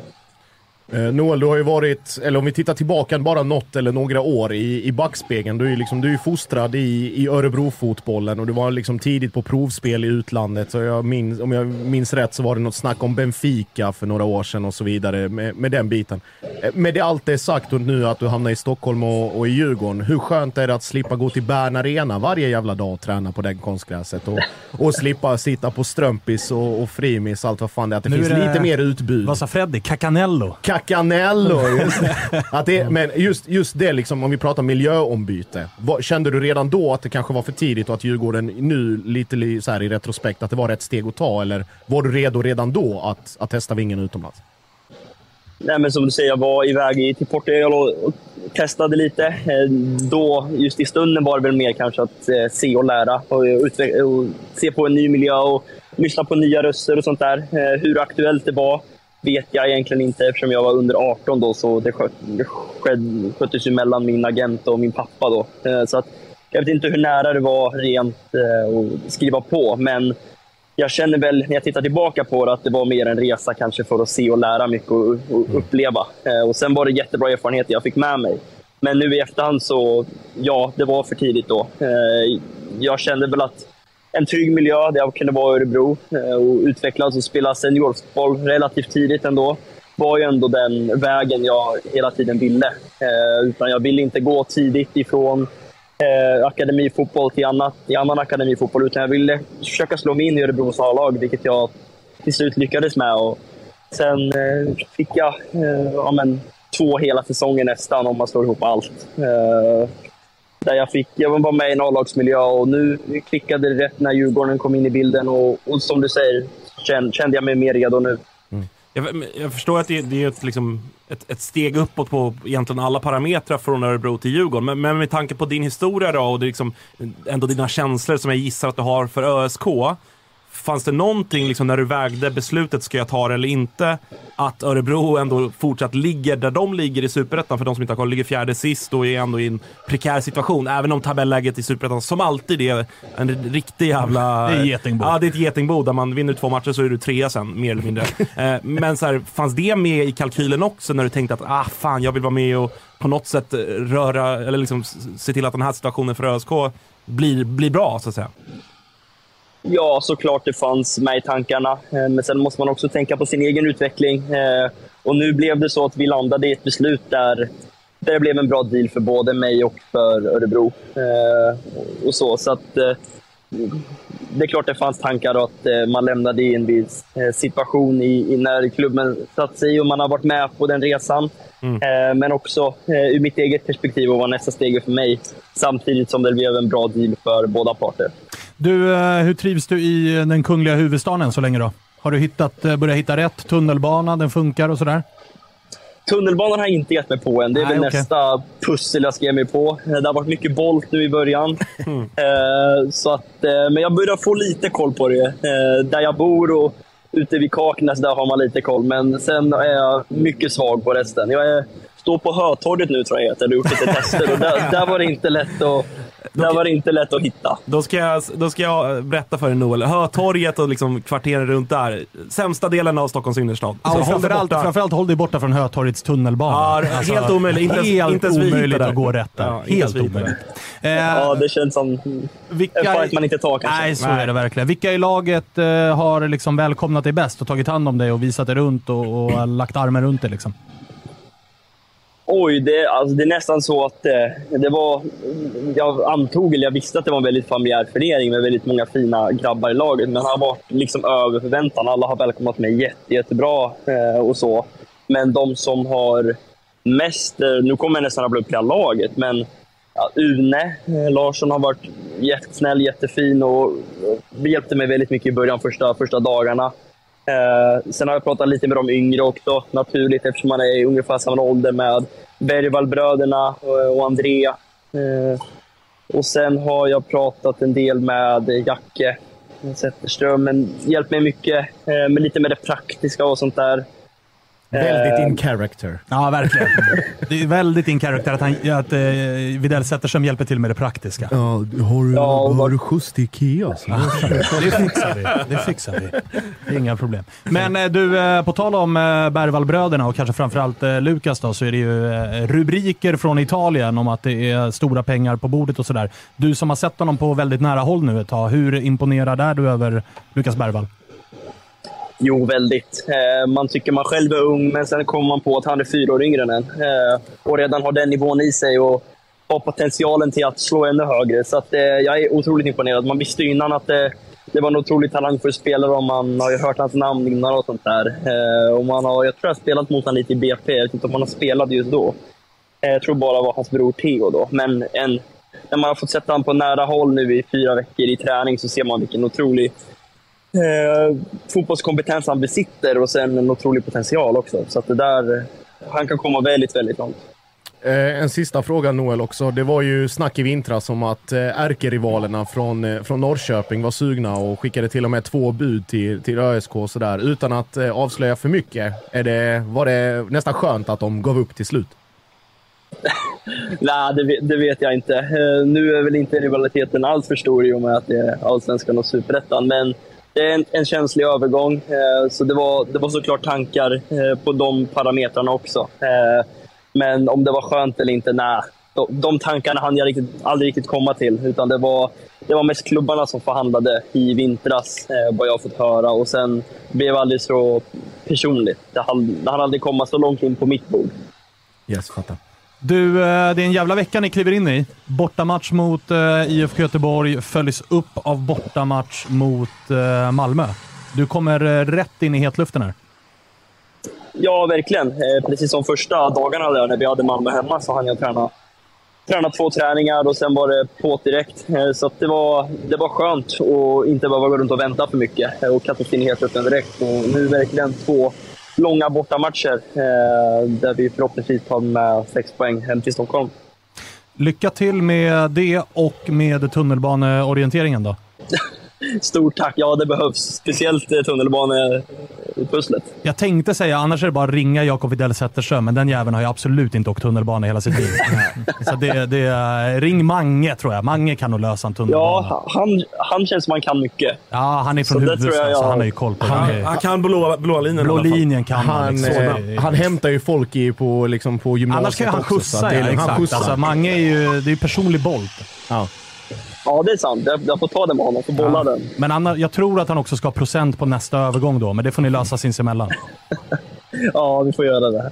Bra då. Du, eh, lycka till i helgen. Ja, stort tack. Tack för att vi fick ringa också. Tack för att jag fick komma. Jättekul. Hej!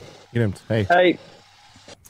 Eh, ska vi passa på att ta eh, Toto-trippen då, som vi ju Kör. gör eh, i samarbete med ATG, som vi är väldigt tacksamma över att de är med och hjälper till att göra. Toto-svenskan, det är ju svag form, får man säga, på Toto-trippen, men eh, vi, eh, vi har en god känsla ändå inför helgen som kommer och eh, spelet kommer komma upp på atg.se. Det finns redan Ja, faktiskt. det finns redan nu. Några Eh, andelar kvar också. Ja, några andelar på Big Nine som ju Marcus Tapper har plitat ihop från hängmattan.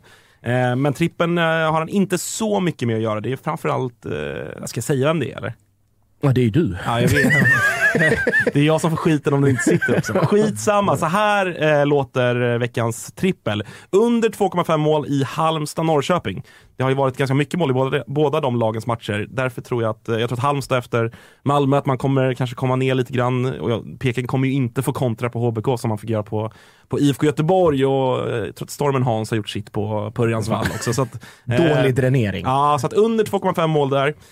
Eh, på tal om eh, Djurgården då, så har vi ändå ta, valt att ta Djurgården rakt mot Blåvitt och även då AIK rak i eh, matchen mot BP. 6 och 11 i eh, odds. Eh, gå in och rygga den och köp en andel om det finns kvar. Eh, men det gäller att du är över 18 år. Regler och villkor gäller. Dessutom finns stödlinjen.se. Tack så mycket ATG. Och när vi ändå håller på då så kan jag berätta att ikväll startar eh, fotbollen ifrån Spanien och La Liga, bland annat då 22.00. Sevilla-Valencia. Ruskigt klassiskt möte. På, vad heter arenan? Ramon Sanchez Pizjuan! Snälla. Topparena. Man ser La Liga på Simor. Man kan också se allt ifrån Discovery Plus-sändningar från Allsvenskan med sitt eh, simor abonnemang Även Superettan, som vi pratade lite om nu med Nobel. Getingbot, Super- Superettan. Där så vi, väl alla, eller? och vi alla jobbar väl emot eh, Utsikten om vi ska vara helt jävla ärliga. Alltså. Sugen Ja. på Utsikten Walter? Nej? Ja, det är ju för deppigt alltså. Alltså, Tänk att få Alltså, generellt- Blåvitt ur Utsikten upp. Alltså VSK har, tar jag ju gärna upp. Väldigt gärna. Men Öster och Utsikten. Jo men Öster, Öster är Öster, Ja, Öster är ett ja. klassiskt lag, men Ja, Växjö är en av jo, jo, Sveriges jo, sämsta jo, städer. Jo, jo, men alltså du får jämföra med vad du har på inte sova bordet. över på bortamatchen. Nej, men jag, jag, jag, jag gör ju ofta det va. Nej, men jag, jag, jag tycker Ja, och sen när du har, du har ju Utsikten på bordet. Det är klart att du väljer Öster alltså, nio dagar i veckan. Absolut, och det är ett klassiskt lag och de har Ganska, ändå någon ganska form av... fräsch arena också. Ja, det är absolut, absolut. Men den, nej, jag vet inte, Småland, nej, det Nej, jag, Jo, jag, men alltså Växjö, och en, det är ju faktiskt en fotbollsarena. Det är ju inte jag, en jag, liksom, jag jobbar ju choken på, på Öster och ett Gais istället. Ja, det tar jag ju också gärna givetvis. Men Hellre bara det. det inte blir utsikt. Men det kommer det det bli. kommer det Ja, bli. jag Det är, vet. det är för många poäng. Ja, alltså, Ga- Gais Blåvitt i kval. Det är så Då myser man. alltså. Det hade varit så jävla Ja, då blir det en hel vecka i Göteborg. Ah, ja. Bara turism. Ah, ja. är, fan Bara glida runt. Bara glida runt. Eh, Spången, hur det är inför eh, BP imorgon? Vad vill du se ut av eh, AIK som har haft två matcher nu i de två senaste som har varit eh, ja, men verkligen två olika ansikten? Mer smak mot Kalmar där man bara får en poäng och eh, liksom ett eh, regelrätt rån borta mot Sirius nästan. Ja, nej, men exakt. Det har varit eh, poängmässigt ändå en, får man ju säga, med det vi kommer ifrån, en, en, en bra poängskör och onekligen har, har Henning Berg fått effekt på, på kort tid eh, vad gäller poängmässigt. Vi är ju en av, ett av seriens absolut formstarkaste lag, så att eh, liksom positivitet i och runt klubben på ett sätt som, som det var länge sedan man kände. Eh, så att, men nu är det liksom det vi, det vi pratade om lite i, i starten där, att det är väl den match hittills i år som AIK är störst favoriter i på förhand. Eh, Är det fem raka utan torsk? Eller är det fyra? Jag vill säga Nej, fem bara på fyra- volley. fyra- fyra. Ja, Vi torskade oss, mot Häcken. låt oss säga fem då med BP. Eh, ja, ja, Häcken är ju däremellan så att, eh, det, det är fyra. Eh, nej, nej, men, nej, men ja, och det man framförallt känner är väl att man vill, man vill stå på nationalarenan och fira en seger igen. För att senast vi gjorde det var mot Hammarby i april va? Fan vad sjukt. Det har inte är- vunnit hemma sen Vi har dess. inte vunnit hemma sedan dess nej. Så att det är och det ju... känns som att det var tre år sedan den matchen spelades. Ja, ja men har verkligen. Det känns, som dess. att, eh, precis, det känns som att det, var, det har hänt extremt mycket och det har det gjort också. Eh, och, och för mig då som, som inte tycker det är så roligt med, med Friends Arena så är det, är det extra deppigt när man inte får fira tre poäng. Så att, så att ur den aspekten är det ju är det ju extremt viktigt. Det är sjukt, sjukt mycket biljetter sålda igen så att man hoppas ju på något sätt att, och lördagsmatch på det som vi pratade om. Så att det är upplagt för en väldigt härlig lördag. Eller en väldigt Som stor pyspunka. med andra, Ja, det ord, ser med andra det. ord också upplagt för ett ganska rejält antiklimax. Ja, nej, men så, så är det ju det också. är 26 000 sålda liksom. Ja men exakt. Nej, men jag, jag hoppas väl att, att det är ett AIK som någonstans tar vid där man slutade mot Kalmar. För att jag tycker att ja, men, hela andra halvlek, men framförallt liksom sista 30-35 är, eh, var, var riktigt, riktigt bra och, och vi pressade ner Kalmar rejält och, och skapade ju fler chanser än vad vi, vad vi har gjort på hela året mer eller mindre. Eh, sen, så, sen så finns det ju fortfarande ganska många spelare, framförallt i den offensiva tredjedelen, som, som ändå saknar någon form av slutprodukt eller, eller självförtroende, eller beroende på hur man ser det. Och, och det är ju fortfarande ett problem tror jag, även om det, det har sett bättre ut mot slutet här nu sen, sen Henning kom in. Eh, men så, så att jag hoppas väl att det är ett AIK som, som tydligare kanske går ut och tar tag i taktpinnen även spelmässigt. Eh, och att man vågar vara lite mer framåtlutade, lite mer risktagande i, i det offensiva spelet än vad man har varit eh, eh de senaste matcherna. Eh, så att, eh, ja. Andra rubriker bara som man hajade till på som kom efter att vi spelade in förra avsnittet och eh, innan vi, eller ja, som kom igår väl, eh, gällande Robin Tii. Eh, I förrgår kanske det var till och med. Eh, två miljoner euro verkar ligga på bordet från eh, Gulfen. Och innan folk, eh, eller så här, folk kommer säkert till av stolen, men jag skjuter ut den här och nu, att fram tills nu, årets bästa allsvenska försäljning.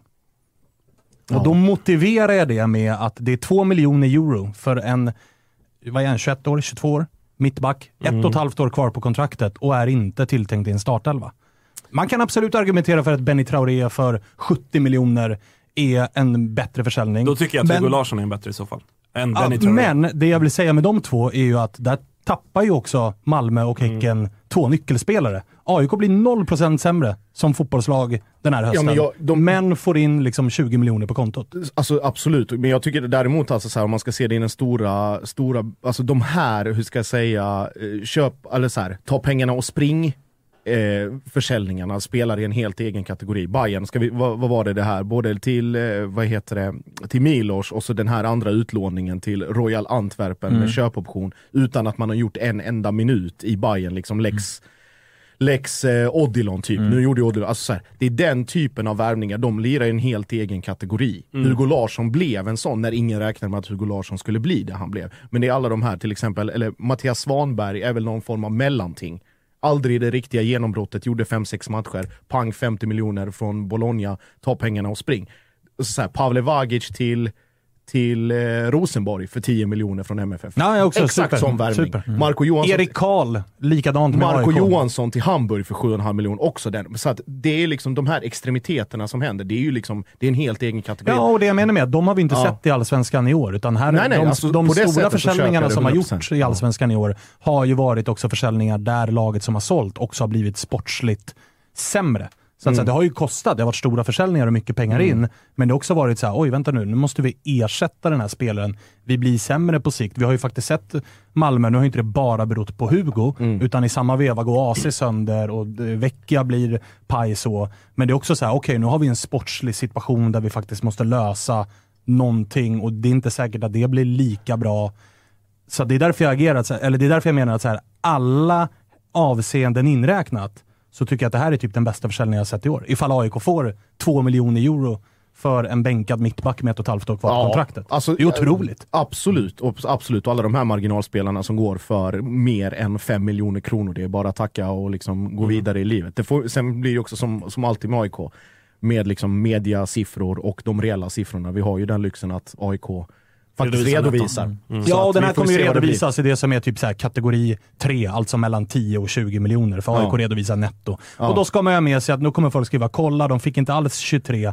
Nej, det är ju för att spelaren ska ha viss procent och agenturen ska ha en viss procent, så det kommer väl Mm. landa på 17 netto då. Ja, vi får och så se. är alla nöjda och glada med det. Mm. Liksom. Men, men eh, är det surt att tappa eh, Robin Tii? För vi, Ja, AIK har ju gått ut och bekräftat, så vi får ju Mm, räkna med att det, det är typ eh, väldigt, väldigt, väldigt nära. Ja, det, det, så får man väl tolka det ändå. Ja, alltså det är det är surt framförallt ur den aspekten att det är en av våra egna killar från Huvudsta som, eh, ja men, så här, han har gjort det rätt bra när han har spelat, men har ju spelat under ganska otacksamma former. Alltså han kastades in under, under Rickards eh, lilla, lilla projekt 2020 och så har han fått spela under våren 2023, så han har ju spelat under två liksom, dåliga AIK-upplagor. Eh, men sen varit väldigt framgångsrik och bra i, i sina utlån i, i första AFC och sen, sen även Värnamo i fjol. Då.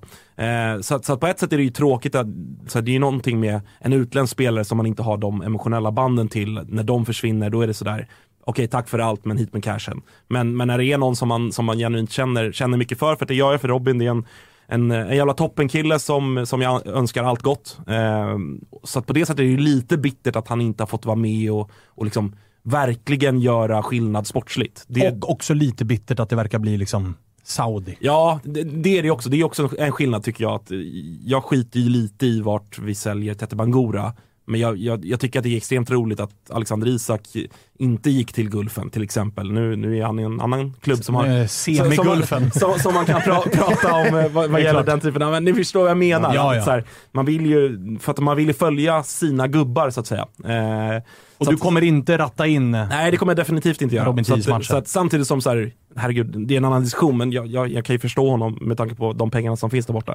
Eh, men eh, nej, så det, är, det är ju tråkigt, men sen är det ju så här om, om man nu ska vara lite mer eh, känslokall och, och bara liksom se siffror och sånt så är det ju en, eh, det är en alltså, kanonförsäljning som Det inne på. täcker ju typ upp allt AIK har gjort på infönstret den här Ja, sommaren. och det är ju verkligen en, en aspekt. eh, Walter var inne på liksom att Hammarby har splashat mycket pengar nu på, på slutet. AIK har, ja, med tanke på den situationen vi fortsatt är i, så har vi tvingats agera halvkortsiktigt den här sommaren. Och att vi då kan täcka upp mer eller mindre alla de utgifterna med en försäljning av mittback nummer fyra i truppen. Det är ju eh, såklart, det, det gör ju någonting annat framförallt till, till kommande säsong. Att, att vi inte kommer, så att vi, vi kommer kunna agera ganska ordentligt i vinter också tack vare den här försäljningen, tror jag. Eh, så att, eh, är en, en otrolig försäljning och hatten av till sportchef eh, Thomas Berntsen om det nu går i lås och det är de summor som det har rapporterats om. Vad, vad säger du Walter om eh, mitt resonemang om att det är en eh, jävla toppförsäljning? Ja, ja det, det håller jag med. Jag försöker febrilt titta på något för att slå det på fingrarna med, men jag, jag kommer fan inte på något. Jag gav dig ändå betänketid där genom att låta verkligen. Josip och Spången Ja, prata jag först. har suttit och tänkt och tänkt på vilk, vilka spelare lämnat Allsvenskan, men nej, jag har svårt att säga emot. Men, men eh, sen är det väl så att eh, anledningen till att det, eh, det, det blir så pass mycket pengar, han, han har ju ändå spelat elitfotboll nu under ganska många år, trots att han är så ung. Så att, eh, han har ju någonstans bevisat sig. Och Men- dessutom eh, så valde han ju eh, finska sidan utav släkten och har väl dessutom, han har väl fått debutera för finska A-landslaget Mm, och sådana grejer. Så att han har ju någon landskamp på kontot. Ja, nej men det, så det är absolut bara, det är väl bara att ta pengarna och springa, men, men jag, jag har svårt att tro att det där täcker upp för, för de investeringar jag Exakt. gjort i sommar och eh, också att, att det skulle ge er utrymme att agera i vinter. Så mycket pengar tror jag inte det rör sig om, alltså, som ni får netto jämfört med det ni har spenderat ut. Nej, alltså vi är, lite, vi är absolut lite, vi är absolut minus. Men vi är ju inte minus 20 mil. Liksom, Alltså. Tyckosen rapport, rapporterades väl kosta under en miljon svenska kronor. Men- sign-on och allt sånt, Det- absolut. Exakt, det, det, är väl- Eh, det är väl mer det, sign-on och eh, löneutrymmet det tar i truppen. eh, Jo, av- av men det de skriver du av över, över, över kontraktstiden ju. Här, Ja, och nu, här och nu så är det ju, ja det är klart att AIK har, har spenderat några pengar, men det är ju en jävla skillnad för att det är en spelare som, eller så här, det är en försäljning om det nu blir av som ingen hade räknat med. Så att jag hade väl någonstans kanske räknat med att AIK skulle gå 20 millar back den, det här fönstret. Det kan vi i alla fall konstatera, det kommer vi inte göra. Eh, så att ur den aspekten är det ju väldigt positivt. Och, Mm. eh, jag, jag läste en intervju med, med sportchef Berntsen i, i Fotboll Stockholm häromdagen och där han ju var inne på att det kommer hända ganska mycket även i vinter. Eh, också för att det är ett gäng kontrakt som, som går ut efter säsongen och sådär. Så att, eh, jag, jag, vill, jag står ändå fast vid att det, det möjliggör helt andra utrymmen till, eh, till vinterfönstret Ja, och så här, det, är ju inte, 2024. det är inte en... eh, Det är absolut en skarv att säga att det blir ett plus minus noll-fönster. Det blir det ju inte. Men det blir ju definitivt en liksom försäljning som kommer som är obudgeterad. Så Mm. Vi hade inte räknat med att göra en 20 miljoners försäljning den här sommaren. Men vi hade nog räknat med att liksom kortsiktigt investera 25-30 miljoner Det blir, i det, blir, truppen. det blir intressant att se nu med, med Saudi-pengarna som liksom flyter i fotbollen. Det där börjar Mm. trickle down och att eh, typ som Alion nu som snackas om till, till eh, Emiraten och eh, Milo som vi pratade om tidigare som plockar alla Bayerns eh, liksom, eh, ASS-tränare. Nu börjar man även plocka spelare och så här. Det, det där har man ingen aning. Det, det kan liksom komma 40 millar för en sån Mm. spelare som har spelat tre minuter i Hammarby. Mm. För, att, för att det är så sjuka pengar och det där kommer ju, det kommer ju drabba, eller hur man ska säga, andra allsvenska klubbar som utöver AIK. Eh, om, om ni kan få liksom 20 plus millar för honom så det, det kommer ju landa i De andra tar ju på något, på något sätt tar ju liksom, eller Saudi eller Gulfen tar vid det, det Kina påbörjade Ja, exakt. 2015. Ja, verkligen. Mm, är- verkligen. Den har ju dött på något Men sätt. där marknaden behövde liksom. ju ändå, alltså de spelarna som gick till Kina, de behövde ju ändå någonstans slå i allsvenskan och typ vara bäst i allsvenskan. Alltså Mm. Danielsson, Musekvi, alltså Mm. det var ju spelare som faktiskt Jo, gjorde, jo, de spelade hem ett guld eller spelade in sig i landslaget. Här har vi ju en spelare som, visst jag håller ju med dig Walter om att så, han varit utlånad till AFC, gjort en fin säsong i Superettan, gjorde en bra säsong förra året i Värnamo, även om det också var han stundtals visade tydliga brister och utvecklingspotential och allt vad det är. Och den här säsongen i AIK har varit in och ut i ett lag som ligger och skvalpar runt strecket. Och så kommer det två miljoner euro på bordet. Det, liksom, det har vi inte sett tidigare. Eh, om, liksom, om vi ska ta jämförelsen Kina-Saudi. Så det, det är någonting nytt och jag håller ju med dig Walter om att det ska bli intressant att se, för det sätter ju en ny praxis. Liksom, att Ja. så här, det, bänkspelarna som är 22 år kostar helt plötsligt 2 miljoner euro ifall det är Gulfen som ringer. Och tills något annat ändras rent liksom eh, hur de värvar och vad det är för profiler de värvar eller typer av spelare så kommer dubbla pass vara värda sin vikt i guld. Även Mm. liksom så här några år framöver. Jag utgår från att Tehi har ett annat pass än bara liksom finskt och svenskt. Det måste Han har finnas en någon- marockansk påbrå. Ja, då måste finnas någon, någon koppling där. Alltså så. Eh, sen är det ju då... Eh, det med, om vi tänker... Å andra sidan ritar ju de in, om sina regler. Ja, det, det de går ju. Det går ju. Men jag det- menar bara liksom hur det ser ut nu och hur Ligan, det kan alltså. se ut om ett halvår eller ett år. Alltså så här, Mm. Om du tittar på de profilvärvningarna som gick. Det finns ju en tydlig röd tråd med liksom, det är Kanté, det är liksom Benzema, det är den typen Muslim, av spel. med många med muslimska påbrå. Och sen så har du ju då, eh, om vi tar Lex Ghoddos till exempel. Där är det också så här- Tia är väl i och för sig eh, troende muslim eller? Ja, det tror jag. Jo, jo. Och sen så har du ju då, sen är det ju. Ghoddos och eh, vad heter det, Zeidan som senaste exempel. Med liksom Mm. Asienpass som öppnar upp för den marknaden också. Så all, det, det, alla de här bitarna kommer ju finnas med på något sätt. Oavsett om det är etnicitet eller nationalitet eller whatever. Men eh, under de kommande åren. Och då, då säger man, eller då som du är inne på Walter, alltså de här överraskningssummorna kan bara liksom hoppa in. Dyka upp. Om du, om du eh, hur ska jag säga, har andra parametrar än bara det sportsliga också. Intressant blir det att följa och vi får se hur det blir med Robin 10. AIK har i alla fall bekräftat att förhandlingar pågår. Det måste de väl göra när det är över en viss summa och det kan påverka börsen och allt vad fan det är. Fan, vi, Eh, måste jävla- av, vi måste avnotera Ja, oss. det är sånt jävla, kvickt. sånt jävla larv det där. Också alltså. framförallt trött på eh, min, min, min börsutveckling på AIK. så att, eh, avnotera tack. Du sitter kvar med dem i så- portföljen alltså? Ja, mest av princip. Ja. Vilken dåre. Men Alltså- det kunde man ju ge sig fan på. Ja, Alltså. hade vi, på tal om aktieportföljer och gott leverne, vi, vågar, vågar vi ringa ner till eh, Köpenhamn eller ska vi låta bli? Nej, vi låter bli. Ja, vi, vi- ja, ja, vi vi- låter det absolut för allas bli. bästa. Eh, Josip Ladan-derby på måndag också, men det tar vi ju på onsdag. Ja, får vi se om man, eh, om man hinner vara med. Ruskiga jävla Mjällby-Malmö. Ja. Det ska dras i hår och det ska hållas på. Alltså reklamskyltarna, utkräva. reklamskyltarna kommer att leva ett farligt Ah, liv det, kan jag blir, säga. det, blir, det är en jävla omgång helt enkelt att se fram emot också, också glädjande för oss alla är ju att Mjällby nu med, öppet har meddelat att man aktivt jobbar på att jobba om bortasektionen. Så att man slipper det här eh, Gbg Gallret. away-gallret. Mm. Och att den ska höjas lite och det ska byggas runt så att man slipper ha de här piggarna i, i ögonbrynen varje gång man ska fram och, och fira mål. Så att, eh, ja, Mjällby tar steg. Ja, de gör ju det. Men eh, det tar stopp nu. Det får vi se. Eh, Walter, Spången, Josip. Mm. Och framförallt Ingo, stort tack eh, för idag. Eh, Det är väl Kalle Nilsson som håller på att ringa. Kalle, du får, du ta semester någon jävla gång, Kalle. Eh, gott så då. Det här var fredagsavsnittet. Jag vet inte vilket nummer det var, det har jag glömt bort. Men tack som fan till alla som lyssnar, hör av sig, engagerar sig i eh, det vi gör. Det är för jävla roligt. Vi säger så. Trevlig helg. Hej då.